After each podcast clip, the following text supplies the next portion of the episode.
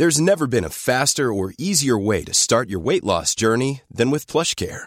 PlushCare accepts most insurance plans and gives you online access to board-certified physicians who can prescribe FDA-approved weight loss medications like Wigovi and Zepbound for those who qualify. Take charge of your health and speak with a board-certified physician about a weight loss plan that's right for you. Get started today at plushcare.com slash weight loss. That's plushcare.com slash weight loss. plushcare.com slash weight loss. Als ik net wakker ben, ga ik naar het tandenpoetsen als eerste.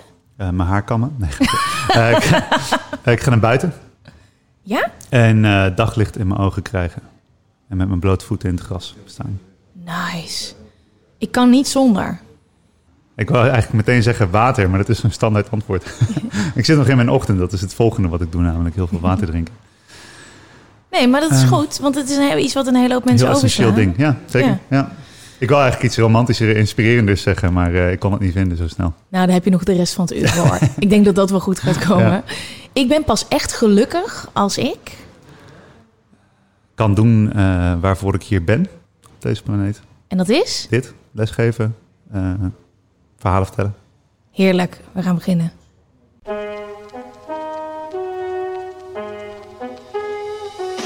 Hallo allemaal, ben Van Poorten hier. Leuk dat je luistert naar Met z'n allen de podcast. Deze podcast is voor iedereen en met iedereen. Vanuit Café Chris Scholte in Amsterdam behandel ik vragen van luisteraars... en kunnen jullie live inbellen om mee advies te geven. Want samen is beter dan alleen. Iedere week schuift iemand aan om zijn of haar wijsheden te delen. En deze week is dat... Ik heb een eh, introductie voor je geschreven. Oh, wauw. En dit zijn ook deels je eigen woorden. Dus Oh dit is niet wat, wat ik. eh, het begint met, namelijk met. Hij ging van te dik, opgebrand en ongelukkig naar een levensstijl van focus, fitness en persoonlijke vrijheid. Hij ging op een zoektocht naar de effectiefste manieren om zichzelf een mentale boost te geven. Hij heeft alles getest wat hij maar kon vinden om zijn focus te versterken. Hij optimaliseerde zijn levensstijl, overwon kou, liep marathons op zijn blote voeten en nog veel meer. Met meer dan 10.000 uur ervaring in lesgeven over wetenschap, zelfontwikkeling en innovatie besloot hij om al zijn bevindingen te bundelen in zijn boek Mind Lift, dat hij overigens in één maand heeft geschreven. Klopt, hè? Ja, Met deze principes in het boek wist hij een leven van vrijheid en positiviteit te creëren. En dat willen wij natuurlijk met z'n allen van hem meenemen. Het is Casper Vermeulen, a.k.a. Caspers Focus. Yes, goedemorgen. goedemorgen. Hoe gaat het? Goed. Ja? Ja. Fijn dat je er bent. ja, ik vind het ook fijn om te zijn. Ja, ik moet misschien heel eventjes uitleggen ehm, wat onze link is. Het is niet de hele sterke, maar er is een reden dat jij hier vandaag zit. Omdat ik eh, jou heb ontmoet op Tijdloos. Ik, eh, dat is een camping van ID&T. Afgelopen zomer, zes weken lang. ehm, waar je een hele hoop mooie dingen kon doen. En jij stond daar op het schema. Wat stond er precies op het schema? Waar was ik precies bij? Stond volgens mij eh, ademsessie. Ja. Stond er, ja. ademsessie. Dus ik dacht, nou oké, uit de tent gerold, mijn vriend meegenomen. Mijn vriend is heel nuchter, die mediteert wel een beetje, maar die dacht, nou, ik ga wel gewoon mee. Toen zat jij daar met een prachtige klankschaal. Echt zulke mooie muziek te spelen. Ik weet ik ben helemaal weer daar als ik eraan denk. Het is heel mooi, weet je wel, vooral in deze coronatijd, dat je dan 's ochtends zo met z'n allen wakker kan worden. En toen begon jij met praten. Toen ging je uitleggen wat we gingen doen. Gingen we samen ademhalen. En dit was zo fijn en bijzonder. Ik heb wel eerder ademhalingstechnieken gedaan, maar jij kon het zo mooi en helder verwoorden wat die ademhaling met je lichaam deed. We deden een paar oefeningen en ik kijk mijn vriend daarna aan en hij zegt: What the fuck, wat vet. En mijn vriend is echt, dat is echt mijn doelgroep, weet je wel. Hij is begonnen met mediteren en hij zei: Nou, dit is, nou, je had het over het immuunsysteem en hoe je beter kon slapen en allerlei technieken met alleen die ademhaling. Toen dacht ik: Oké, al, eigenlijk al tijdens die meditatie. Casper moet in de podcast komen. Casper, kan ik meteen contact gezocht via Instagram. Casper, kan jij, eh, ik weet niet wat. Eigenlijk zijn deze met z'n allen turbo. Zo. Wacht nog een keer. Dit is heel erg. Nog een keer. Deze afleveringen zijn voor jou ontstaan. Want ik dacht, hoe kan ik Casper nou in één keer uitnodigen in deze soort van wereld waar ik nu in zit. Maar ik wil een hele hoop nog leren. En van iemand als Casper kunnen wij zoveel leren. Dus ik dacht, nou, we gaan gewoon met z'n allen turbo. Turbo Gwen kan je zien op YouTube. Ehm, en jij bent hier vandaag eh, om een hele hoop vragen te beantwoorden van de kijkers. Ik heb gevraagd, eh yo, Casper komt, ga checken. Wat wil je van hem weten? Er is een hele hoop binnengekomen. Dus ik ben super dankbaar dat je hier vandaag bent. En eh, ik heb er heel veel zin in. Leuk. Ja. ja ik ook. Ja, eh, jij zei net eh, tijdens de lockdown nu, of tijdens, we zitten natuurlijk helemaal niet meer in de lockdown, maar tijdens corona, ehm, ben jij veel bezig met het Nederlandse publiek? Ja, ja ik, ik ben gewoon in Nederland. Ik heb de afgelopen jaren heel veel gereisd. Dat vind ik ook heel leuk. Ja, En dit is voor het eerst in vijf jaar dat ik een paar maanden gewoon thuis ben. ja, En ehm, ja, dus dan ben ik weer hier en dan raak ik weer geïnspireerd door de mensen hier. En ik vind het heel leuk om, om, de, om de gewone Hollander weer te bereiken. ja. En, eh, en dat was in de op Tijdloos was de eerste keer dat ik weer voor een publiek was. Die, die ochtend was ik ook uitzonderlijk geïnspireerd. Ik was helemaal zo van, ja, ik mag weer. En eh, ja, heel leuk om, eh, om gewoon weer mensen te ontmoeten die, die zo in het dagelijks leven er dan wat mee kunnen, weet je wel. Ja, we gaan eventjes helemaal aan het begin beginnen. Ehm, jij zegt dat je leraar bent geweest, is, eh, scientist. Is dat natuurkundeleraar? Of... Nee, ik, ik, ik ben opgeleid als biologiedocent. Ja, oké. Op de school waar ik werkte, daar werkte, was een redelijk innovatieve school. Die werkte met combinatievakken. Dus ik gaf een vak dat heette Science. Ja. Het ging eigenlijk, dan biologie, natuur, scheikunde, eh, als je dat zo wil duiden. Maar dat ging heel erg over, ja, wat is wetenschap en, en wat kun je ermee doen in je leven. Ja. En jij bent nu biohacker. Wat is biohacker? Want ik vond dat heel interessant klinken. Want jij zei, Ja. yes, I'm Casper en I'm a biohacker. Toen dacht ik, ik weet niet wat het is, maar ik wil het. Ja, het is, het is een beetje, eh, het is nu een beetje een modewoord aan het worden. Dat is wel tof, maar... eh, ehm, ja, biohacker is een hele brede term. Het is niet heel helder gedefinieerd. Er is niet één overkoepelende organisatie die dat, dat soort van duidt. Eh, en er zijn verschillende stromingen. Binnen, binnen die, die grote stromingen zijn er substromingen. Maar waar het eigenlijk over gaat is... eh biohackers zijn een groep mensen die eh, op zoek zijn naar allerlei eh, shortcuts... en allerlei, eh, zeg maar, hacks. Eenvoudige manieren om je staat van zijn te beïnvloeden... Eh, met behulp van natuur, wetenschap en technologie. En vooral vanuit het begrip van hoe werkt nou dat biologisch systeem dat we zijn als mens. En door ehm, dus eigenlijk een wetenschappelijk-biologische insteek te nemen, ehm, eh, wordt het makkelijker om dingen te duiden van wat werkte wel voor mij, wat werkte niet voor mij. En het gaat ook heel erg over eh, ja, hoe werkt mijn systeem, maar ook hoe werkt mijn omgeving. Dus biohackers zijn veel bezig met supplementen en voeding, maar ook bijvoorbeeld met, eh, met licht. eh, door verschillende manieren het licht in hun omgeving te veranderen. Dat is ook waarom ik 's ochtends als eerste naar buiten ga. Om een biologische klok te zetten. En ehm, eh, met, met behulp van daglicht. En dus heel erg te kijken naar wat, wat is nou het, eh, de biologie die werkt achter onze ervaring. En het voordeel daarvan is dat het dan iets makkelijker uit te leggen wordt waarom je bepaalde dingen doet. Zoals bijvoorbeeld ademhaling of meditatie of voeding. Dat je ook begrijpt waar het over gaat. Ehm, en dat vind ik heel leuk. En ik, ik ben nog steeds, eigenlijk sta ik nog steeds biologieles te geven. Alleen sta ik dan voor grote zalen op congressen of ik werk dan met, met atleten of eh, met, met, met een net andere doelgroep. Maar uiteindelijk gaat het nog steeds over van ja, wie ben je eigenlijk? Hoe zit je in elkaar? En hoe kun je nou eh, je output, dus wat je doet in het leven en hoe je je voelt en de resultaten die je ziet in je leven, hoe kun je dat optimaliseren op basis van bekende wetenschap? En het leuke is van biohackers is dat ze overal voor openstaan. Dus een biohacker die zal net zo eenvoudig een wetenschappelijke publicatie gebruiken om te begrijpen eh, waarom het beter is om eh, s s'nachts door je neus te ademen en dan zijn mond dicht tapen in de nacht. Is Ehm, dit echt gebeurd? ja, dat doe ik. Tape elke nacht nee, Ja. nee, je maakt een Ja. grap. Dat ga je ook doen na deze aflevering.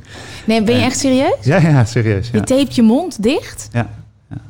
Elke nacht. En waarom is dat goed? Omdat ehm, de meeste mensen hebben, een, hebben de gewoonte om s'nachts door hun mond te ademen. En mondademhaling is een, in alle opzichten minder handig, minder goed voor je, zeg maar inferieur aan eh, neusademhaling. En als je dus s'nachts in bed ligt en je mond valt open, dan verlies je heel veel vocht. Je neus is een hele belangrijke filter. Het is een enorm filtersysteem. Ehm, het is een airconditioner, dus het zorgt ervoor dat je lucht eigenlijk met een ideale temperatuur en een ideale luchtvochtigheid in je longen aankomt, zodat je daar eh, optimaal de zuurstof uit kunt halen. En bij neusademing, wat er gebeurt, is dat er in je, in je holtes, eh, dus in je, in je neusholte, maar ook in je holtes, wordt eh, een stofje gemaakt, dat heet stikstofoxide, NO. En dat is een stofje wat ervoor zorgt dat je vaten beter open gaan staan en ook je longblaasjes beter open gaan staan. Wat er dus op neerkomt, dat je neus is eigenlijk eh, de eerste plek waar je immuunsysteem kan filteren. Dat als je door je mond ademt, krijg je ongefilterde lucht binnen. Ehm, en dat je dus veel hogere kwaliteit lucht binnenkrijgt. En ehm, wat heel belangrijk is, is dat de houding, de stand van je gezicht beter is wanneer je door je neus ademt. Als je je mond open hebt, dan hangt je tong heel lui. Mhm. Precies. En, uh, en uh, mondademhaling, consistent mondademen door de nacht heen, wordt in de literatuur heel vaak al uh, gelinkt aan allerlei ademhalingsproblemen. dus Ja. mensen die, die bijvoorbeeld slaapapneu ontwikkelen.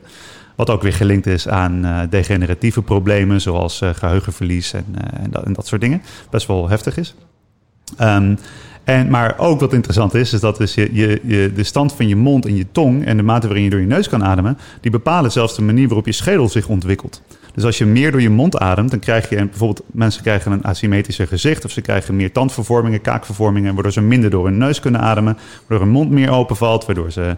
Nou goed, dit is het hele Ja, cascade. you, you had me at uh, gezichtsvervormingen. ja, ja, dat is grappig. Ja. Er was laatst ook een artikel wat ik las, wa- wat zeg maar uitlegde dat, eh, dat, eh, dat je van mondademen lelijker wordt, om, om het heel, heel lomp Ja. te zeggen. Eh, maar ja, als je, als je botstructuren zich minder optimaal ontwikkelen, dan, eh, ja, dan, dan krijg je een asymmetrische gezicht. En dat zien wij puur on- onbewust, zonder dat ja, heel erg te oordelen. Maar asymmetrie, Ja. dat zien we niet als een, als een, eh, als een beauty-kenmerk, zeg maar. Nee, maar hoe lang doe je dit al en wat merk je dan? Merk je, kan je het echt meteen merken als ik zeg, Ja. want we, we, doen Turbo Gwen, ik heb een YouTube-serie en dat is exact eigenlijk waar jij voor staat, maar dan wel een paar tandjes eh, lager. Ik ben natuurlijk geen scientist, maar ik wil allemaal dingen leren Ja. die je leven gewoon leuker en beter maken. Is dit iets, als ik dit een week eh, zou gaan doen, wat kan ik dan merken? Nou, het ligt eraan wat je startpunt is. Ik ben trouwens ook geen scientist hoor. Ik ben gewoon een nerd en ik vind het leuk om met soort dingen uit Ja, te maar zoeken. je, je hebt wel les gegeven Maar in wat- biologie. Ja, nou ja, ja, maar goed. Eh, ja, mijn eigen biologiedocenten waren ook niet eh, hier erg mee bezig. Maar dat maakt het Nee, niet uit. Maar het punt is dat in, in biohacking zoek je gewoon naar de allereenvoudigste, kleinste dingen die je kunt aanpassen om meteen resultaat te zien. Ja. Dus als je s'nachts door je mond ademt. me- eh, nou ja, laat ik een stapje verder beginnen. Als je 's ochtends wakker wordt, hoe voel je je dan? En er zijn heel veel mensen die worden wakker met een beetje een suffe kop. En een droge mond. Moeten heel veel water drinken. Hebben heel veel behoefte aan cafeïne om zichzelf wakker te maken. Komen er niet helemaal uit. Ehm, en dat is, kan een heel goed teken zijn dat je door je mond hebt geademd de hele nacht. En dat je dus daardoor Ik weet dat ik dit hebt. doe. Ik weet, ik Ja, weet, en word dan zelfs verlies je dus heel veel vocht. Ja, wat vlieg je. Wow. Oh, dat is een goede ninja move die hier. Ik heb net een vlieg gevangen met mijn Ja. hand. En deze laten we erin, Jasper. die, doe ik namelijk vaker. Maar daar nice. kunnen we een compilatie van maken. Ehm, Oké, maar je kan dus echt dit gevoel verminderen. Dus die, die, die, dat fuzzy hoofd als je wakker wordt. Die, die droge het kan mond. natuurlijk aan meerdere dingen liggen. Maar als je weet dat je door je mond ademt en, je- en je wordt wakker met een droge mond en een suffe kop. En eh, je kan niet goed wakker worden. Nou, dan is het een, een teken dat je hebt mond geademd. En dit is ook een beetje het ding als mensen denken aan mediteren of aan trainen of aan voedingaanpassingen. Het kost allemaal energie. En daar Ja. moet je allemaal, allemaal dingen voor investeren, zeg maar. En ehm, eigenlijk, als je door je mond ademt, dan is het enige wat je hoeft te doen om op zoveel factoren eigenlijk je leefstijl te verbeteren, is s'avonds een beetje tape erop plakken. En dan adem je in, in plaats van 7 of 8 uur suboptimaal ademen, heb je opeens gewoon 7 of 8 uur gratis ademoefeningen gedaan de hele nacht. En dan zul je zien dat je bijvoorbeeld je ochtendmeditatie veel makkelijker gaat. En dat heeft er ook mee te maken dat de, dus. eh, en dit is een beetje met meditatie, is een heel erg mind manier om te gaan zitten en jezelf soort van te ob- observeren en misschien wel te kalmeren. Ehm, maar je bent dan wel een soort van met je mind, je mind aan het bestuderen. Of je lichaam, dat kan natuurlijk ook. Met ademhaling is het zo dat de, manier waarop je je ademfunctie kiest, dus bijvoorbeeld of je door je neus of door je mond ademt, bepaalt ook heel erg welke stand je lijf ingaat. Dus letterlijk welke staat. Dus bijvoorbeeld de, de stressstaat, de fight-flight staat, die wordt eigenlijk ondersteund en zelfs gecreëerd door mondademhaling. Ja. Wat dus betekent, als je door je neus ademt, zal je je mentaal rustiger voelen. Omdat je fysiolo- eh, fysiologisch gezien in een, in een rustigere staat gaat zijn. Met meer zuurstof tot je beschikking, met een lagere ademfrequentie. Dus als je bijvoorbeeld s'nachts je mond dicht hebt getaped en je wordt wakker en je, je hebt helemaal niet zo'n suffe kop en je hebt eh, een wat minder droge mond, eh, dan zal bijvoorbeeld je meditatie ook wat fijner afgaan. Omdat je gewoon beter in je lijf zit, omdat je meer zuurstof tot je beschikking hebt gehad. Nou, ik vind dit super interessant. Ik heb er ook nog nooit over gehoord. Als jullie eh, een Turbo Gwen hierover willen zien, laat het achter in de comments. ik wil dit wel proberen. Ja. Ehm, volg het met z'n allen de podcast, huishoudelijke mededelingen. Eh, volg ons eh, op Spotify, laat reviews achter. Ga helemaal los. We zitten middenin en met z'n allen mediteren. Midden in oktober. Daarom is het zo fijn dat Casper er is. Want Casper gaat dan ook nog net een tandje dieper, weet je wel. Je vindt je ademhaling blijkbaar interessant. Casper kan ons nog veel meer uitleggen. Bijvoorbeeld dit. Laatste vraag over eh, je mond dichttapen. Jij hebt een baard. En eh, ehm, hoe werkt dat met tape en iedere ochtend dat eraf halen Nou, dan? op zich, eh, er zijn een aantal manieren om het te doen.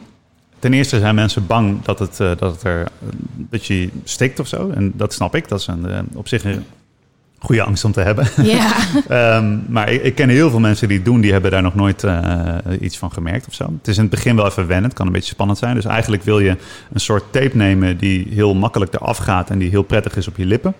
Bijvoorbeeld chirurgisch tape, wat, zo, wat ook in een EHBO-kist zit. En eh, kun je twee, twee stripjes zo langs je mond doen. Dat is het die zo. Oh, En dan kun je er nog langs ademen als het nodig is.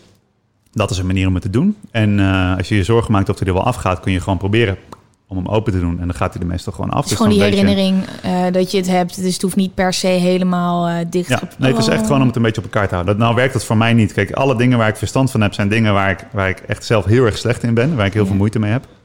En bijvoorbeeld neusademing. Ik, bedoel, ik, heb, ik heb 15 jaar gerookt. Ik heb altijd allergieën gehad. Ja. En ik ben al jaren bezig om mijn neusademhaling te verbeteren. En overal waar ik kom, leer ik mensen neusademing. Die kunnen het allemaal beter dan ik. En dan zeg ik, ah, fuck. Maar daardoor heb ik er heel veel over geleerd. En ik gebruik dus eh, sporttape. Dat eh, plakt iets eh, agressiever. Dat blijft beter zitten. Dus dat Jij je epileert af. jezelf iedere ochtend. Nee, en ik heb dus een stripje wat precies over mijn lippen past. Dus het gaat er echt alleen om dat je, dat je net je lippen op elkaar hebt. Heel, Ja. Dus je doet je lippen op elkaar. Klein stripje tape eroverheen. En dan, eh, en dan zit je eigenlijk goed. Dus het gaat inderdaad om die herinnering.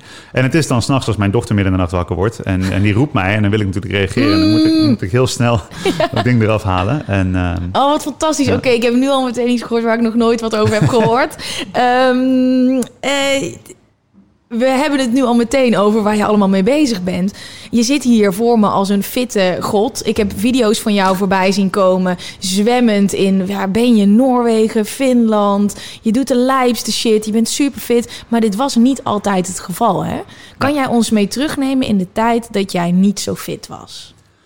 Ja, ik heb eigenlijk eh, mijn hele leven daar wel mee gestruggeld. In zekere zin, ik was altijd een dikke jochie in de klas. En eh, het is pas toen ik jaar of 5, 26 was... dat ik, eh, dat ik een beetje een dieptepunt daarin had bereikt. Dat ik echt veel te zwaar was, dat ik ook depressief was... heel weinig energie had, migraines, rugpijn... en eigenlijk allerlei leefstijlgerelateerde issues. Ja, En ehm, dus ja, dat was, dat was eh, een beetje de moderne menselijke conditie, om maar zo te zeggen. Weet je? Ja. Een, een, een uitkomst van. en dat is trouwens grappig, hè? Je zegt van ik doe maar lijpe shit. Eh, Allemaal extreme dingen. En, en nu als mensen me zien zwemmen in ijswater, of ik ga vasten, of ik ga, weet je wel, marathons lopen op blote voeten, dat soort dingen. Dan vinden mensen dat extreem. Maar toen ik, eh, toen ik soort van depressief op de bank zat en eh, chips zat te vreten en bier drinken en videogames spelen de hele dag, en toen was ik gewoon een jonge man die van het leven geniet. Weet je wel. Had niemand, niemand had er een oordeel over van, oh, wat extreem en wat raar en pas op je gezondheid. En dan ga ik eh, in een bakje ijs zitten, omdat het goed voor me is. En dat ik me er beter bij voel. En de mensen, oh Casper, doe niet zo vreemd, doe niet zo raar. Dus het is heel, heel grappig hoe we... We hebben een bepaald beeld in Nederland van, van normaliteit. En als je binnen die normaliteit valt, ja, dan, dan is het oké. En als je dus dingen gaat doen die heel erg goed voor je zijn... Maar die niet als normaal gezien worden... dan gaat er bijna een soort van sociaal immuunsysteem in werking... Van mensen die er ongemakkelijk van worden. En dat is denk ik wat heel veel mensen die, die naar jouw podcast ook luisteren... die net op dat pad gaan en die zeggen van... die, die helemaal bevlogen raken door een podcast... En eh, de eerste volgende keer dat ze hun vrienden zien eh, en eh, die, ja, die, beginnen daarover, dat ze een beetje raar worden aangekeken. Hè, ben je nou aan het mediteren? Precies, Ik dacht, dat is toch raar? Dat Ga je toch- zeker ook in een gebatikte jurk wegzweven, weet je wel zo. Ja. Ja, mediteren is redelijk, eh, is redelijk geïntegreerd. Begint, begint redelijk geïntegreerd te raken. Ja, precies. Ja, precies. hey, eh, er moet een moment zijn geweest voor jou dat je dacht... ik ben er helemaal klaar mee. Dat gamen, dat drinken, dat feesten, overgewicht. Er moet wat veranderen. Wat was dat moment?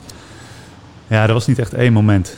Ehm, mensen willen altijd graag dat, er, dat ik één grandioos inzicht had. En toen, Ja. eh, en toen een soort van de training montage ging. En, eh, en ik aan Ja. de slag ging en de push-ups. En, zoals in de film. Ehm, maar zo is het niet. Ik denk dat heel veel wa- mensen wachten op dat ene moment. Dat het opeens allemaal ergens op slaat.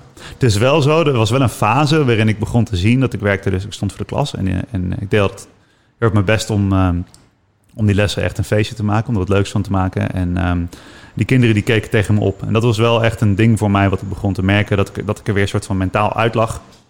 Ik heb er nooit echt een hele periode helemaal uitgelegen dat ik niet kon werken. Ik was altijd wel hoog functionerend in die zin. Ik kon mezelf altijd wel over de streep trekken en dan en voor de dag komen of zo. Maar eh, dus heel veel mensen erkennen dat ook niet in zichzelf, dat het eigenlijk niet goed met ze gaat. Dan zeggen van ja, ik kan nog werken, ik doe mijn werk nog. Als je de hele dag gewoon kut voelt, en dat- ze noemen dat ook wel hoog functionerend depressief. Of het is men het wat voor label je eraan wil hangen. Ja. Maar ik stond dus wel voor die kinderen. En, eh, en ik had zoiets van, ja, eh, die moet niet tegen mij opkijken. Dat ben ik echt niet waard, weet je wel. En het was voor mij wel een teken van, ik, ik, eh, eh, ik, ik, moet er, ik wil daar graag wat mee. Die kinderen die kijken tegen me op en, eh, en eh, ik kan ze wat laten zien. Dus ik heb een voorbeeldfunctie. En eh, dat was voor mij wel eh, echt een inspiratie om, om er wat aan te gaan doen. Want ik dacht, van, ja, als ik er zelf uitlicht, dan kan ik er ook niet zijn voor die kinderen die op mij rekenen. Ehm, dus toen het groter werd voor mij dan, mij, dan mijzelf, dus het ging eigenlijk over iets groters, dan werd het een soort van missie. Toen, ehm, toen werd het veel eenvoudiger om, om hiermee aan de slag te gaan. En toen, je kan een hele hoop wegen inslaan. Hè? Je kan eh, extreem gaan afvallen. Je kan maar, maar je bent op zo'n mooi pad terechtgekomen. Wat, wat waren die eerste stappen? Ja, ik ben eigenlijk alle wegen ingeslagen hoor. En het is ook bijvoorbeeld met, met afvallen. Ik heb ook echt periodes gehad dat ik er helemaal, helemaal geen verstand van had. Ik begreep gewoon echt niet wat er aan de hand was. En dat ik mezelf aan het uithongeren was. En eigenlijk tegen een soort van eetstoornis aan zat, weet je wel. Dat ik dacht van, oh ja, wacht, dit snap ik. Dat is een beetje datzelfde perspectief van, oh ja, je hebt een calorieinname, je hebt een calorieuitgave. Dus als je gewoon dik onder die uitgave gaat zitten, dan val je af, weet je wel. Dus ik echt op duizend calorieën per dag en, en alles dwangmatig bijhouden, zo, weet je wel. En Ja. ik na twee maanden gewoon helemaal niet meer kon functioneren. Ik dacht van, oké, dit, dit werkt niet, weet je wel. Dus het is, het is heel erg vallen en opstaan. Ja, Ja, en ik ben heel erg eigenwijs. Ik ben een ontzettende wijsneus. Dus ik wil ook alles zelf dan uitzoeken en zelf proberen. Eh, dus ik heb bijvoorbeeld nooit eh, veel advies geaccepteerd van mensen. Zomaar klakkeloos of een coach aangenomen. Ik had zoiets van nee, ik ga dit gewoon doen. En ik ga gewoon alles, alles doen. Alles testen en kijken wat er werkt. En, ehm, en ik had ook geen zin om te wachten op één grote oplossing. Of om overal te gaan zoeken. Ik had gewoon zoiets van ja, ik doe gewoon het eerstvolgende ding. En dan voeding was eigenlijk mijn eerste stap waarmee ik bezig ging. Ehm, ja, dan moet ik zeggen, als ik, als ik verder terug ga eh, in mijn jeugd, toen ik een jaar of eh 12, 13 was, eh, begon ik eh, met heel veel blowen en, en spijbelen en allemaal onzin uithalen. En toen kwam ik ook in een fase dat het echt heel slecht met me ging. En toen ik daar een beetje zo uitkwam, toen kwam ik in contact met aan de ene kant vechtsporten, martial arts, en aan de andere kant hypnosetherapie. Dus ik leerde daar zelf hypnose. En dat, daar leerde ik eigenlijk al mediteren. En ook in, in de vechtsport leerde ik eigenlijk mediteren. En het had die naam niet. Maar wat ik daar leerde in, in die, die beide soort van scholen was dus om, eh, om mezelf te beschouwen in het moment met een bepaalde soort van objectiviteit. En om daarmee wat ruimte te creëren tussen mijn angstige, eh, paniekerige, bezorgde eh, zelf, die de hele tijd op zoek was naar uitwegen, naar, naar, naar verdoving eigenlijk. En een bepaald hoger perspectief. En hoe meer ik die ruimte kon maken, hoe beter ik me voelde. Ehm, en dat is ook iets wat ik daar, wat ik dus in die periode dat ik 5, 26 was, weer oppikte. Dat ik begon te zien van, oh ja, wacht even, die tools die heb ik wel, maar die gebruik ik niet. Ik ken die dingen wel, maar ik, ik, eh, ik gebruik ze niet meer. Ik ben dat gewoon vergeten of zo. Dus toen ben ik ook weer eh, bezig gegaan met zelfhypnose, met ehm, wat eigenlijk gewoon geleide meditatie is, maar zelfgeleide meditatie met wat meer handvatten en eh, verschillende meditatietechnieken en eh, Even when we're on a budget, we still deserve nice things. Quince is a place to scoop up stunning high-end goods for 50 to 80% less than similar brands. They have buttery soft cashmere sweaters starting at $50, luxurious Italian leather bags, and so much more. Plus, Quince only works with factories that use safe, ethical, and responsible manufacturing. Get the high-end goods you'll love without the high price tag with Quince. Go to quince.com slash style for free shipping and 365-day returns. There's never been a faster or easier way to start your weight loss journey than with PlushCare.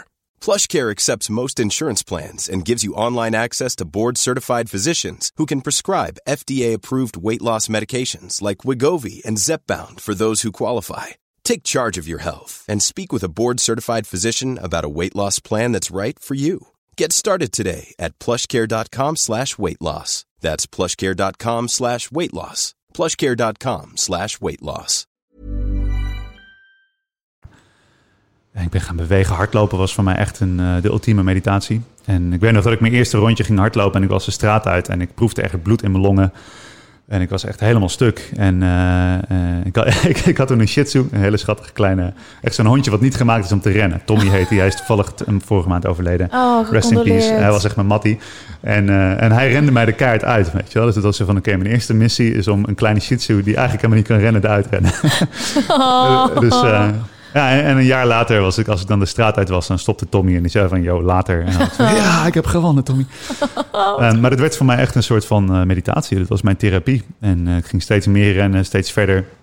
Raak ik geblesseerd en... eh, chique schoenen gekocht en het werkte niet. En toen kwam ik een beetje op het pad van op blote voeten lopen. En ging er een heel veld van me open dat ik merkte van... Oh ja, heel veel van mijn schouder- en rugklachten... die, die kunnen verholpen worden door mijn beweging te optimaliseren. Dus zo is het steeds het ene naar het andere ding, stap voor stap... iets erbij gekomen. En wat voor mij heel helder was, dus ik had gewoon zoiets van... ja, als het werkt, dan werkt het. Dus ik, ik ga dan, uh, ik, neem, uh, en ik doe een experiment. En ik ga 30 dagen ga ik gewoon iets proberen. Of het nou extreem is of raar, of ik er nou voordelen op heb, of het nou te zweverig is of te wetenschappelijk. Ga het gewoon doen. En dan kijk ik wel wat eruit komt. Met wat als achtergrond? Uh, bijvoorbeeld, oké, okay, blessure. Um, ik zie het dan zo voor me dat je dan gaat googlen met wat, hoe kan ik het oplossen. Um, rennen op blote voeten, dat doen veel mensen. Waarom doen ze dat? Ik ga dit testen. Ja, bijvoorbeeld. Ja. En wat voor testjes heb je nog meer gedaan? Nou, het was namelijk zo dat ik, ik gaf les aan die kinderen. En daar gaf ik les over de wetenschappelijke methode. En ja. dat is eigenlijk een, een, een, een, vorm van vraagstelling... waarmee je de hele tijd ook je eigen antwoorden eronder uit probeert te halen. En echt te kijken van wat werkt er nou? En, en wat zijn ook de, de valkuilen van het menselijk denken... waardoor we de hele tijd maar geloven wat we al geloofden. Dus het was voor mij was het een soort van science, een soort van wetenschappelijk pad... van ja, ik ga gewoon één variabele veranderen... en 30 dagen later kijken naar de opbrengst... En, uh, en als het beter wordt, wordt het beter. En het leuke is dat ik dus ook met die kids dezelfde dingen aan het doen was. Dus ik werkte met heel veel kinderen. Ik was op een gegeven moment, was niet mijn officiële rol, maar er waren, het was een soort van vertrouwenspersoon. Heel veel kinderen kwamen naar mij toe met hun, met hun problemen en hun issues en hun dingen thuis. En er waren heel veel angst en stress-issues en best wel heftige zelfhaatdingen. En kinderen die zichzelf beschadigden. En wat ik echt met die kinderen werkte, ik dacht van wow, ik krijg hier een doorsnee van de samenleving te zien. Toen ik in brugklasse was, dacht ik dat ik de enige dikke nerd was die niet mee kon komen. Weet je wel? En dat ik het moeilijk vond op school en dat ik het eng vond. En ik keek om me heen en al die kinderen waren, oh ja, die kinderen die waren zo, zo zelfverzekerd en die wisten allemaal hoe het moest. En toen stond ik daar als, als leraar en ik keek in die school mee en dacht van ja, wacht even, niemand heeft enig flauw benul hoe dit leven werkt. En de leraar al helemaal niet. En de populaire kinderen al helemaal niet, weet je wel. Dus toen, en toen kreeg ik ook al die verhalen mee van die kinderen. En ik dacht van ja, misschien kan ook mijn proces wel in dienst staan daarvan. Dus als ik iets vond wat werkte voor mezelf, dan ging ik dat ook met de klas gingen we testen. Dus ik had vooral heel veel concentratie-issues. Ik vond het heel moeilijk om, uh, om dingen af te maken. En mijn leerlingen ook. Dus ik had er totaal, totaal begrip voor. En vaak kwam het dan dat ik, uh, dat ik bijvoorbeeld een, uh, een studie las, een publicatie of zo, over, over concentratiespannen. Of over cognitie, of over hoe leert het brein het beste, hoe kunnen mensen zich het beste concentreren. En um, nou, dan kwam ik op zo'n, op zo'n principe uit van bijvoorbeeld... Uh, uh, mensen kunnen zich niet langer dan 20 minuten uh, concentreren op alleen maar lezing als ze moeten mm -hmm. zitten. Maar als ze zich bewegen, kunnen ze beter concentreren. En, en als je dat opknipt in kleinere stukjes. Dus daar ging ik dan mee experimenteren. En dan ging met mijn leerlingen gewoon ja, zo'n zo'n experiment aan. En dan gingen we dan met een timer bijvoorbeeld. En dan zei ik van oké, okay, ik ga een kwartier lang ga ik kletsen. En na een kwartier ging er dan opeens heel hard muziek spelen. Had ik zo'n timer die muziek ging spelen. En dan moest iedereen bewegen en een dansje doen. Zeg maar. En dan moest iedereen ja. bewegen. En dus ik kon ook niet over die time limit heen gaan. Dat vonden die kids heel leuk. En ik merkte ook dat mijn concentratie werd er beter van. Ik ging het toepassen in mijn dagelijks leven. Uh, dus niet werken in, in, blokken die langer zijn dan wat ik qua concentratie aan kan. Ja. Nog een andere die ik, waar ik zelf heel, wat ik echt super tof was, vond, is dat ik had heel veel stress en angst. Dus anxiety. Uh, er komt een bepaalde hormonale staat bij kijken. Uh, en heel veel, heel veel leerlingen van mij die hadden, hadden stress voor toetsen, die hadden angst, faalangst en dat soort dingen. En um, hoe meer ik leerde over wat stress eigenlijk is, als je naar de biologie daarvan kijkt en naar welke hormonen een rol spelen, eh, cortisol, zelfs adrenaline, dat zijn hele, ja, dat is in zekere zin vernauwt het je bewustzijn mm -hmm. en maakt het heel moeilijk om, om echt creatief te denken. En, en creatief denken en concepten met elkaar verbinden en echt je volledige breinvermogen uh, gebruiken, ja, dat kun je niet als je heel erg gestrest bent. Dan ben je op zoek naar uitwegen of zo. Dus ik zag die kinderen zitten tijdens toetsen en ik dacht, die zijn helemaal niet in de juiste staat. Die hebben hun schouders omhoog, die zitten hoog te ademen. Ik dacht, ik moet iets hebben wat daar een tegenwerking in was. Dus ik dacht, nou, dat ga ik gewoon uitzoeken. Als zij in die hormonale staat zijn ja. en die zenuwstelsel staat, uh, misschien is er ook wel een tegenovergestelde staat. En toen las ik zo'n studie over dat, uh, dat uh, zoogdieren, of tenminste mensen, als we, als, we baby, als we een baby zien, dan hebben we allemaal zo'n ah reactie. En ja, ook, cute animals. Er was net ja. een onderzoek is van lieve plaatjes van dieren verminderen stress. Precies, ja, ja. en dat, dat is dus iets. En uh, ja, er zijn veel onderzoeken over, maar dat vond ik toen al ergens, zo'n publicatie. En dat is ook grappig, want het, eh, het werkt bij alle zoogdieren. Dus wij, Ja. wij zijn zoogdieren en vinden zoogdieren schattig. Dus een, een grote hond is een enge wolf, zeg maar. En een Ja. kleine wolf is een schattige puppy. Ja. En een leeuw is gewoon een eng roofdier, maar een, een, een, een, eh, welp is, een, is schattig. En eh, een, een krokodil is gewoon een grote enge lijpe krokodil. En een babykrokodil is gewoon een kleine enge lijpe krokodil. dus ik had zoiets van, hé, dat is grappig. Dat zit in, ge- ingeprent. En en een van de dingen die er gebeuren is, als we dat zien, is we hebben zo'n zo'n- een soort van rustreactie. En er schijnt eh, het hormoon oxytocine mee te maken hebben. En oxytocine is weer een hormoon waar je je rustig van voelt. Dus ik bekeek dat zo op papier. Ik dacht van ja, die kinderen die hebben cortisol. En in theorie zou dan, als ze op de een of andere manier oxytocine kunnen aanmaken, zouden ze tot rust moeten komen. Dus dan had ik een toets, natuurkunde toets, waar kinderen veel stress voor hebben. Snap ik, had ik ook altijd. Nog steeds zou ik dat hebben, denk ik. En die kwamen dan helemaal zo gestrest binnen. En dan was de eerste opdracht, was kijk naar deze compilatie van schattige puppies en kittens. en dan ging, totdat ze dat doen. Eh, dus de opdracht was, kijk naar deze puppy-compilatie. Totdat ze ah, ah, ah, dat gingen doen. En dan wist ik van, oké, nu zijn ze in een betere staat. Oké, draai je blaadje om, we gaan een toets maken. Wat fantastisch. En dat is eigenlijk een voorbeeld van biohacken, weet je wel. Dus gewoon kijken van, nou, hoe werkt het systeem en hoe kunnen we daar een ingang op vinden. En, eh, later ben ik daar ook gaan, gaan experimenteren met wat meditatie tijdens een toets. Of, of midden in een toets na 20 minuten opstaan en bewegen en eventjes rondspringen. Ogen dicht, zodat ze niet konden spieken. En dan in één keer weer terug naar de toets. En eh, en de kinderen gingen met meer plezier toetsen maken. En daardoor een beter scoren uiteindelijk. En, het was een hele leuke tijd. Ik experimenteerde eigenlijk op die kids. Wauw, wat fantastisch. Oh, dit vind ik, nou, echt fantastisch. Dus een, eigenlijk ook, kan je dit aanraden aan iedereen die een sollicitatie ingaat, iets spannends gaat doen, zenuwachtig is? Ga naar YouTube, bekijk een compilatie van schattige shit. Of is het niet Als, zo dat- als makkelijk? het een goede trigger is voor jou wel. Ik kan iedereen aanraken om te onderzoeken. Van, eh, eh, om eens in kaart te gaan brengen. Zo, wa- wa- wat zijn nou de staten van zijn waar ik me door een dag doorheen werk? Ja, Ehm, en welke staten van zijn ben ik het mee eens? Welke wil ik? ja. En dus we, we denken vaak dat de verkeerde staten van zijn zijn. Maar Ja. die, dat is helemaal niet zo. Elke staat die we hebben, die is evolutionair miljoenen jaren inge- ingeprogrammeerd. Die heeft een, heeft een nut.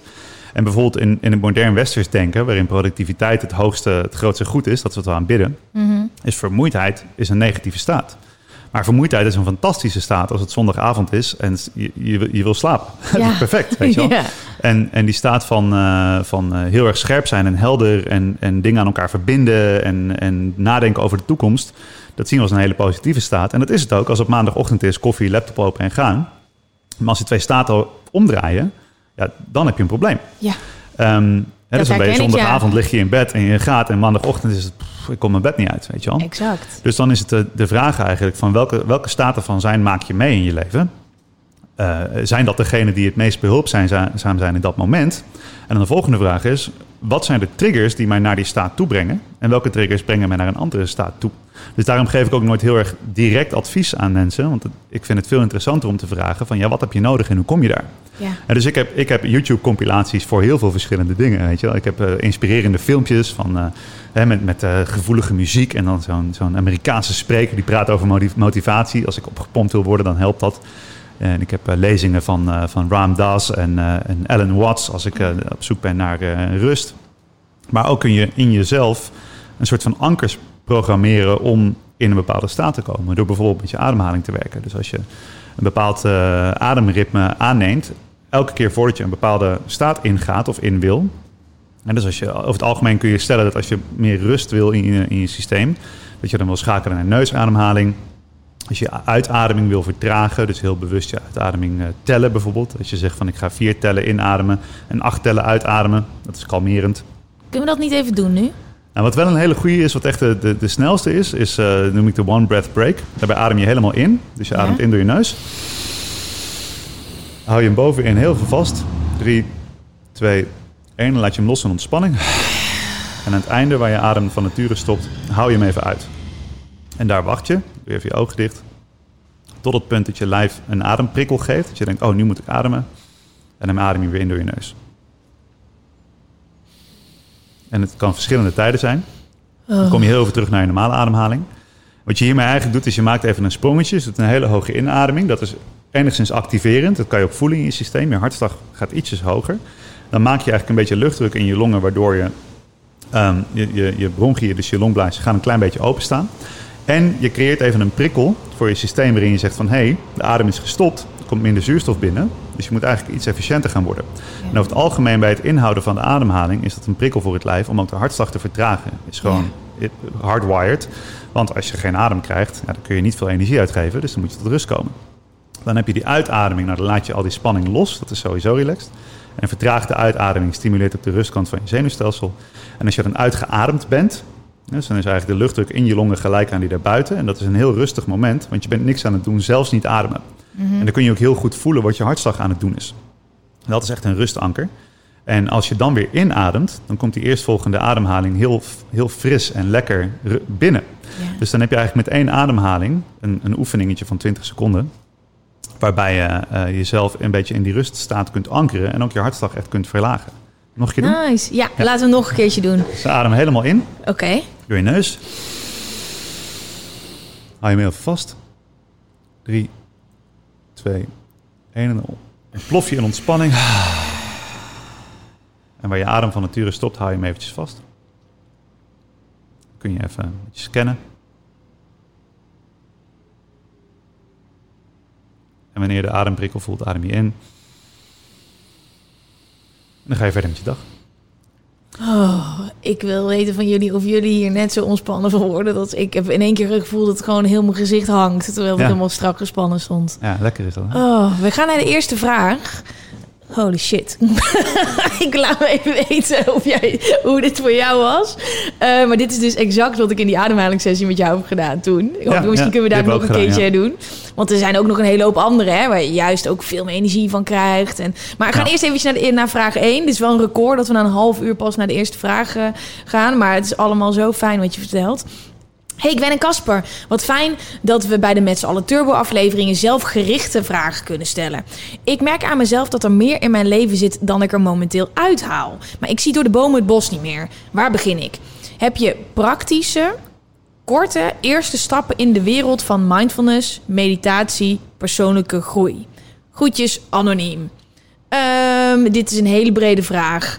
Ehm, en ik begrijp waar dit over gaat, want er is zoveel. En voor Ja. mensen die dan net een beetje die twinkeling in zich hebben, die zien dan in één keer een heel spectrum aan van alles. Ja. Waar ze mee kunnen beginnen, maar begrijpen misschien ook niet helemaal wat de eerste stap moet zijn. Ehm, heb jij hier advies voor? Waar begin je dan? Wat is een mooie eerste stap? Ja, er zijn echt er zijn, gaan twee hele essentiële dingen samen in deze vraag. De ene, de ene is heel erg het waarom. Van, ja, waarom, waarom ben ik hier eigenlijk? Het gaat eigenlijk over van, van wat wil ik in het leven? Hè? Daar begint de vraag mee. En de tweede is heel praktisch, wat ga ik dan doen? Dus je hebt een waarom-vraag die je aan jezelf moet stellen... en een wat-vraag die je aan jezelf moet stellen. En dan kun je twee kanten op gaan. Je kan, eh, ik, ik zeg altijd van ja, je kunt jezelf stuk mediteren en met voeding optimaliseren en eh, eh, om minder stress te hebben en om beter te functioneren. Maar als het je helpt om beter te functioneren in een leven waar je ongelukkig van wordt, in een baan die niks voor je betekent, of in een relatie waar je eigenlijk niet op je plek zit, of dat soort dingen, ehm, dan zit daar ook een essentiële vraag onder van ja, waar, waar, waarom zou je dat gaan optimaliseren? Hè, dus heel veel mensen denken van eh, zijn bezig met gezondheidsoptimalisatie. Maar ik vraag dan, waar optimaliseer je je gezondheid dan voor? Want je gezondheid loopt ook af. Ja. Dus het, le- het leven, je gaat dood. Het leven is eindig. En eh, dus als je je gezondheid optimaliseert en je krijgt meer energie en je gaat je beter in je vel eh, voelen, waar ga je dat dan op richten? En dat is heel erg die waarom-vraag van, ja, van eh, ja, ik, ik wil op een andere manier in mijn leven staan. Dus de focus. Ja, de focus, de purpose eigenlijk. Ja. Dus waar doe ik het eigenlijk voor? De purpose. Ja. En dan wat is, en ik vind purpose, er zitten hier heel veel vliegen. Eh, purpose in het Nederlands. Want purpose komt in, ik lees ook vaak boeken in het Engels. En dan is Ja. purpose voelt zo logisch. Ehm, kunnen we dat vertalen in het Nederlands naar levensdoel? Levensdoel of voldoening? En hoe kom je Ehm, achter je bezieling. purpose? Want een hele hoop mensen voelen wel dat er iets misschien mis is of Ja. anders kan. Maar hoe kom je er dan achter wat je wil doen en waarom je dat gaat doen? Ja, dan, dan kom je inderdaad eigenlijk naar, de, naar het gebied van het wat, of naar het hoe eigenlijk. Hè? Dus het, het- hoe je dat doet, is door dingen te proberen. En ik denk dat meditatie, eh, mindfulness en ademhaling kunnen hele goede middelen zijn om tot die kern te gaan komen. Dus om echt naar jezelf te gaan luisteren. Dus, als je, dus je kan het op twee manieren doen. Je kan denken van ja, ik zit niet lekker in mijn leven. Ik heb een baan of weet ik wat, het, het loopt niet lekker. Ehm, dus ik ga zitten, mediteren. En dan hoop ik dat het mediteren ervoor zorgt dat dat leven weer fijner gaat voelen. Ja. Dat is één manier om het te doen. En voor sommige mensen werkt dat. Door puur anders in hun vel te zitten, denken ze, oh, ik heb eigenlijk een topleven. Dat is fantastisch. Maar je kunt ook meditatie eh, als een soort van zelfreflectie gebruiken om te kijken van, oké, ik zit niet lekker in mijn leven en ik weet niet welke kant ik op moet. En ik ga, elke dag ga ik gewoon zitten en mezelf die vraag stellen. En, en dat, dat doen en misschien opschrijven eh, en, en voelen hoe het voelt als je als je, je niet lekker voelt. Dus, dan, dus het heel erg on- onderzoeken van het hoe.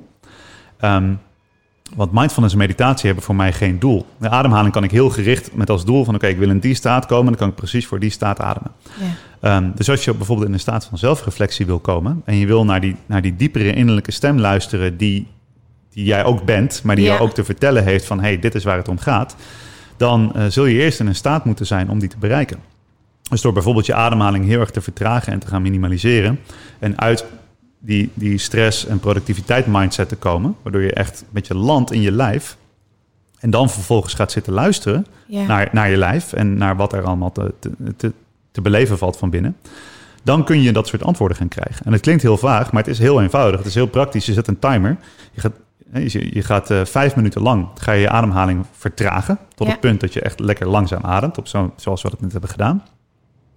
En dan vervolgens ga je eh 10 minuten of een kwartier of 20 minuten of zolang als je wil.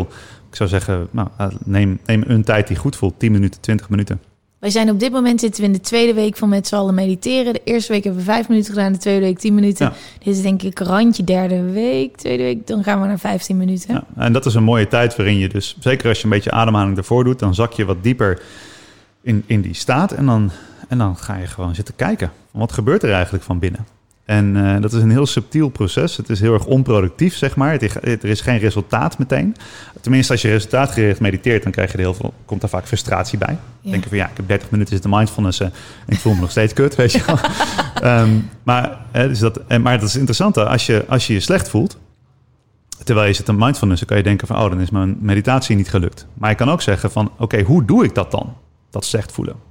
Hoe doe ik mijn, mijn negatieve gedachten? Hoe doe ik mijn leven waar ik het niet mee eens ben? Hoe doe ik mijn depressie? Hoe doe ik mijn eetgedrag?